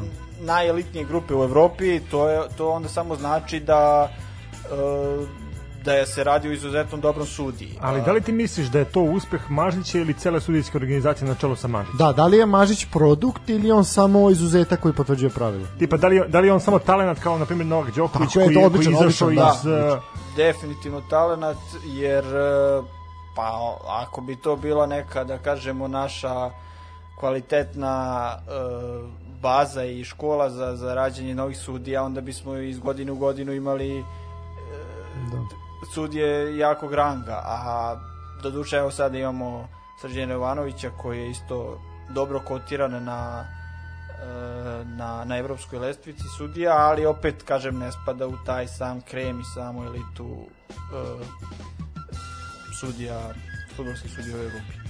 Kod nas kada se spominje sudija, mahom znamo šta, šta se misli, znači to su neke Nažalost, da. situacije koje nisu baš uh, najbolje po, po klubove, po sam futbal. Mene interesuje, mi smo pričali o tome što bi bila adekvatna nagrada, ali baš nagrada za nameštanje utakmica. E, šta ti misliš, koja bi bila nagrada za, za sudije koje nameštaju utakmice? Odnosno, ovo, ovo shvatite kao kaznu, naravno, ovaj, ali to bi da, bila... ironična nagrada, da. Ironična nagrada.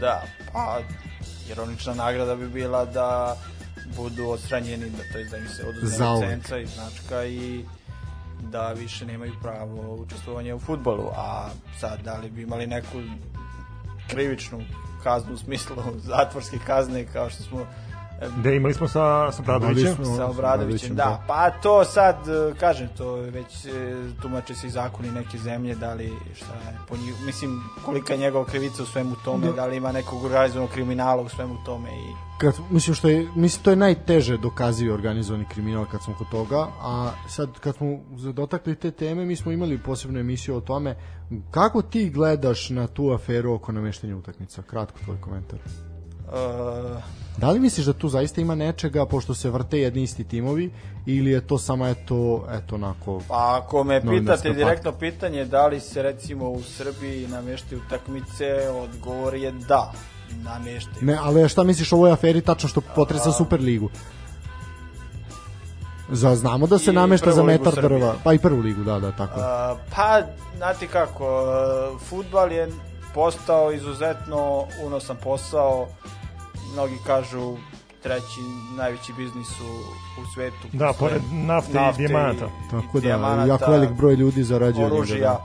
Znači, ogroman kapital se vrti, a pogotovo se ogroman kapital vrti od kada su počele da rade kladionice, internet klađenja i uživo klađenja. I tu su onda veliki mehanizmi da se sa strane zaradi, jer ako ne može kroz e, e, kroz ligu, kroz nagrade, kroz e, sponzorstva, da se kroz kladionice izvuku pare.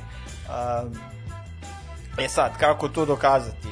UEFA ima neke svoje mehanizme, softverske algoritme da prate te uplate i ako su nenormalno velike svote uplaćene na jedan tim, a Da, znamo kako desilo se da. to, onda postoji sumnja sad kako to dokazati. Pa da, i onda su okrivili teško. male, male Tajlanđane, naš bratski narod sa Tajlanda su okrivili da uplaćuju na novi pazar i na proletar sram i bilo, a taj mali Tajlanđan posle teške smene od 18 sati u fabrici Nike ili Adidasu je svoju malu bednu platu, koliko smo rekli, od 10 cenata je je. stavio na pobedu novog pazara i raduje se što će Agans Pakis dati go. Mislim da to nije u redu od strane tako ozbiljne organizacije kao UEFA da okrivljuje tako jedan fin narod kao što su Tajlanđani i po, još povezuju ligu sa našom. Mislim, stvarno E, mene, mene takođe isto zanima, imamo u poslednjih par godina primer sve većeg učestvovanja ženske populacije u, u suđenju.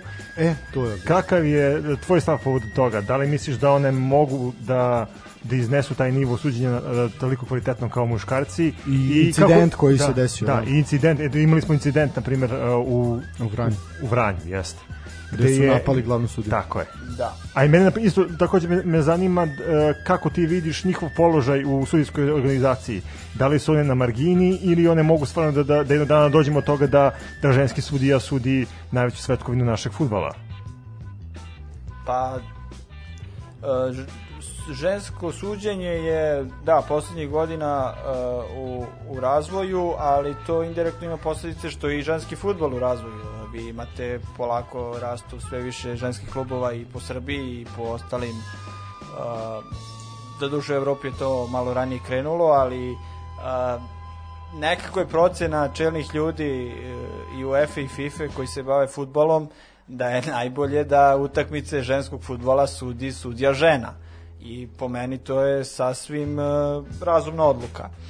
A, međutim, problem je što u mnogim zemljama ima nedovoljan broj ženskih klubova i nedovoljan broj liga e, da bi ženske sudije kroz svoje odrastanje i sazrevanje u, u sudinskom poslu stekle iskustvo i kvalitet e, da jednog dana sude jel, ligu šampiona za žene ili svetsko prvenstvo.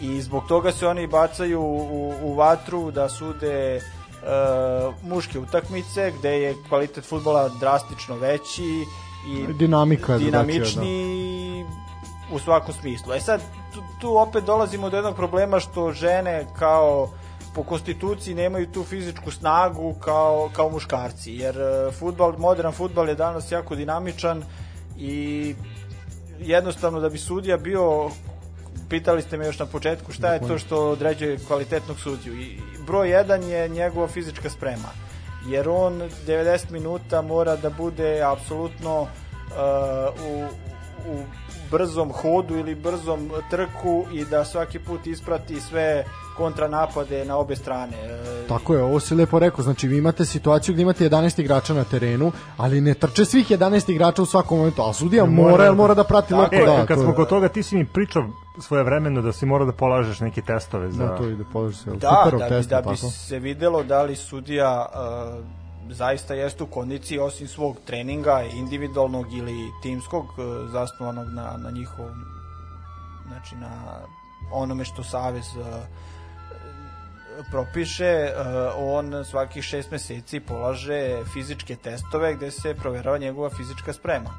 A, I ti testovi, da kažem, pa nisu ni teški, ako gledamo profesionalne atletičare, ali opet nisu ni laki ako gledamo neke prosečne futbolere, verujem da, da mnogi ne bi mogli da, da ispune te Da, mislim da kažemo testove. treba da se istrači Cooperov Cooper test, test, da, da. da, to je onako sasvim pa Cooperov test, da, do duše Cooperov test se trčao pre jedno deseta godina, umeđu vremenu su, su napravljene izmene. Cooperov test je podrazumevao kontinualno trčanje Da.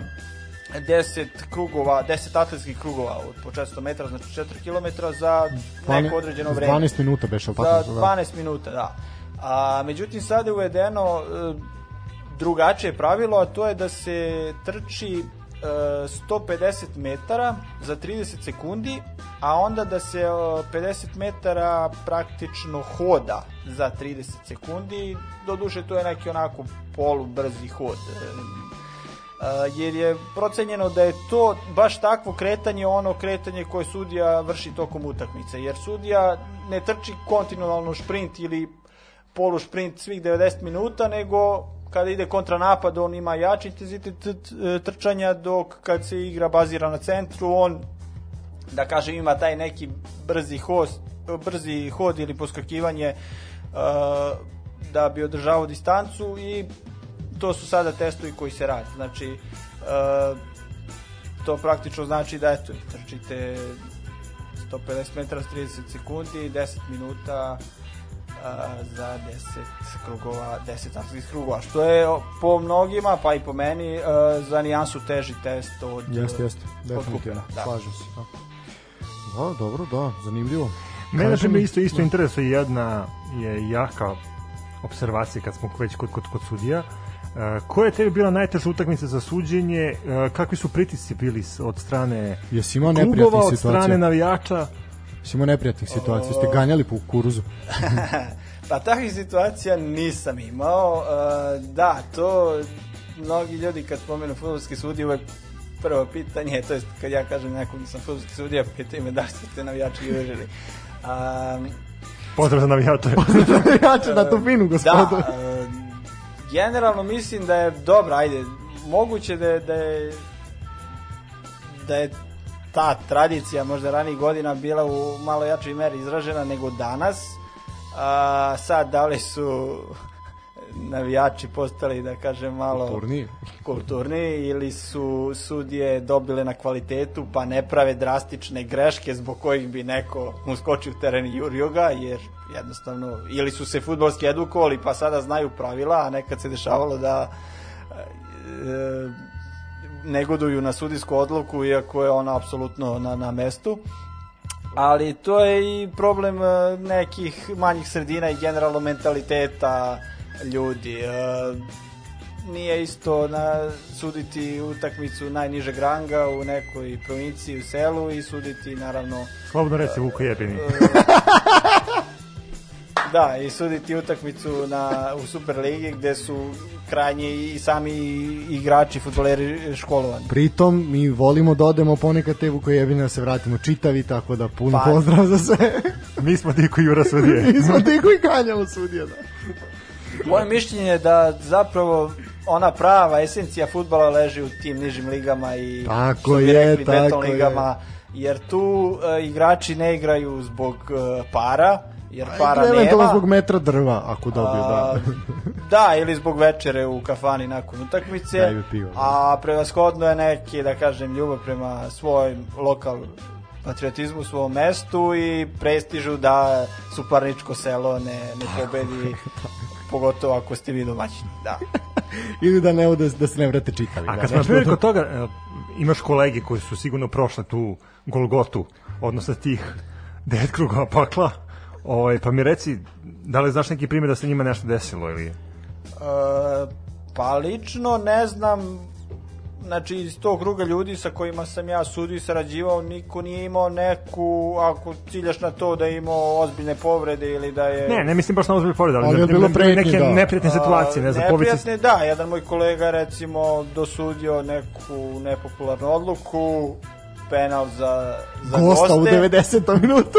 Da, i onda nezadovoljna publika je utrčala u teren Oj, da. i on je pobegao u slačionicu, čuvala ga je policija i obezbeđenje, ali eto, Da, spomenuo si tih devet krugova pakla, ja sad zamišljam koja su to mesta, recimo ako ideš u ove naše lokal, to ti je recimo Kać, Čurug, znaš, tako, Kovilj, tu ide tu ti krugovi pakla zašaj se s Futogom, Veternikom, tako da, ovaj, tu, prilike, tu, tu bude kraj, klima Da, glavom, da, klima glavom, da, ovaj, tako da, pa dobro, da, veoma, veoma zanimljivo, ovaj, pa dobro, mislim, stižu nam poruke, ovaj, nema, nema puno pitanja, moram priznati, ovaj, u suštini, eh, pohvale, pohvale na račun našeg gosta, ovaj, kažu da je izuzetno zanimljivo, par, par poruka je, par poruka je stiglo na tu temu, tako da eto, mi, mi se zaista, mi zaista uživamo sa tobom, ovaj, i šteta je što ćemo morati u neko vremenu da prekinemo emisiju, ali nadamo se da, će nam, da ćeš nam ponovo doći svakako i da, e, ja se radujem naravno. Eto, da. da Hoćemo ovaj, promeniti naše pravilo da jednog gosta pozovemo dva puta.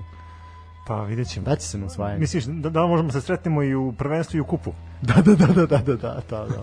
vidjet ćemo kako Žreb bude ovaj, naložio, ali eto, znamo i da, da Žreb se namešta, pa eto, možda i namestimo mi. Pa da, mi ne znam, samo što ovi zagrejavaju kuglice, sad kakve ćemo kuglice mi grejati, to ćemo videti jedan drugom, ali dobro da, o tom potom, potom, da. Ovaj, pa to bi bilo to polako, ovaj, ajmo na jednu kratku, kratku muzičku pauzu, malo da, malo da danemo dušom, pa ćemo se polako odjeljivati.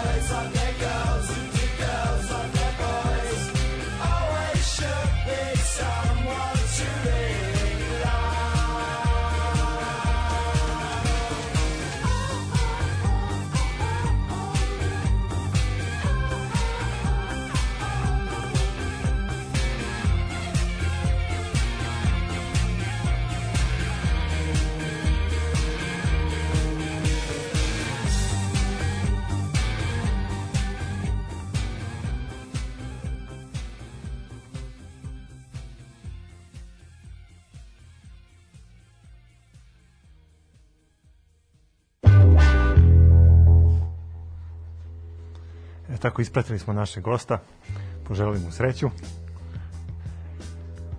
Tako je, da. zatvorili vrata, Zatvori vrata. pa ajde polako da za- zatvaramo i ovu našu emisiju. Pa da, bili smo, bili smo, do sad smo bili najduži. Ovaj. Uh, kao što ste navikli, uvek završavamo sa moralnom porukom. I ja sam, ajde ovih prethodnih nedelja smo imali te neke teme koje su se nametale da budu moralna poruka, a ovaj put sam zaista dosta dugo razmišljao šta bi moglo biti moralna poruka, eto nekim igrom slučajeva, ova, ova, ovaj put će moralna poruka biti lična, ali mislim da ću govoriti u ime svih nas, pa i vas ovde prisutnih. Uh, dobijamo puno poruka iz inostranstva, od naših prijatelja, komentara, pohvala, kritika, i samo stigne poruka i slušamo vas, uživamo.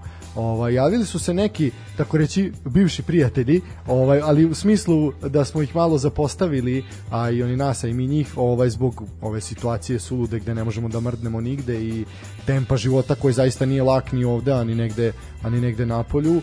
Uh, ova pesma s kojom ćemo se odjaviti, kojom ćemo završiti je zapravo poruka i himna za sve vas koji ste tu daleko i koji niste niste više tu fizički pored nas. Uh, kad pomislite, znamo da vam je teško da ste uglavnom zaključani u stanovima, da je posao slav, da novaca nema, pošto ga nema ni ovde, ovaj, ali kad pomislite da ne možete dalje, setite se da ste na pravoj strani i imate prijatelje nas koji smo tu za vas do kraja i kad ste blizu da udarite od dno, znajte da imate nekoga, nekoga ko će da vas podigne. Za sve vas, ovo je, ovo je ta himna, himna prijateljstva, bratstva koje se ne mogu slomiti. Toliko od mene, hvala. Ništa, to je bilo to za ovo slušanje. E, sportski pozdrav i svako dobro.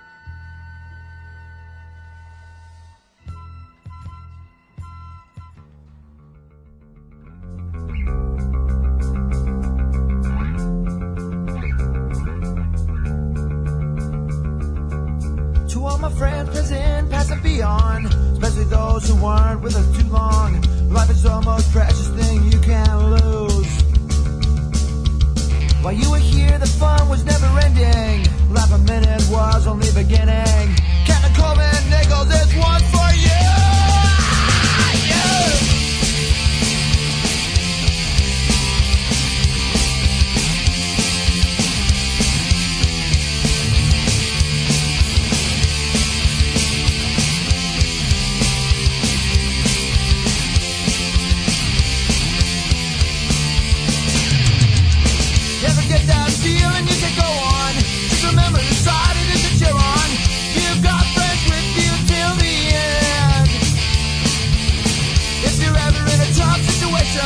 We'll be there, no hesitation.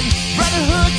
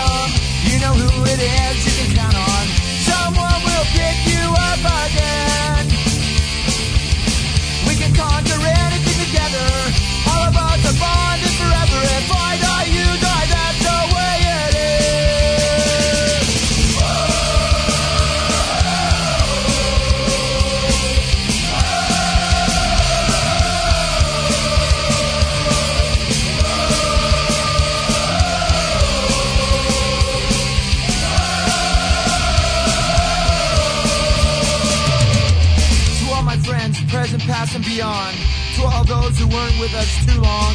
Life's the most precious thing that you can lose. While you were here, fun was never ending. Last minute was only the beginning.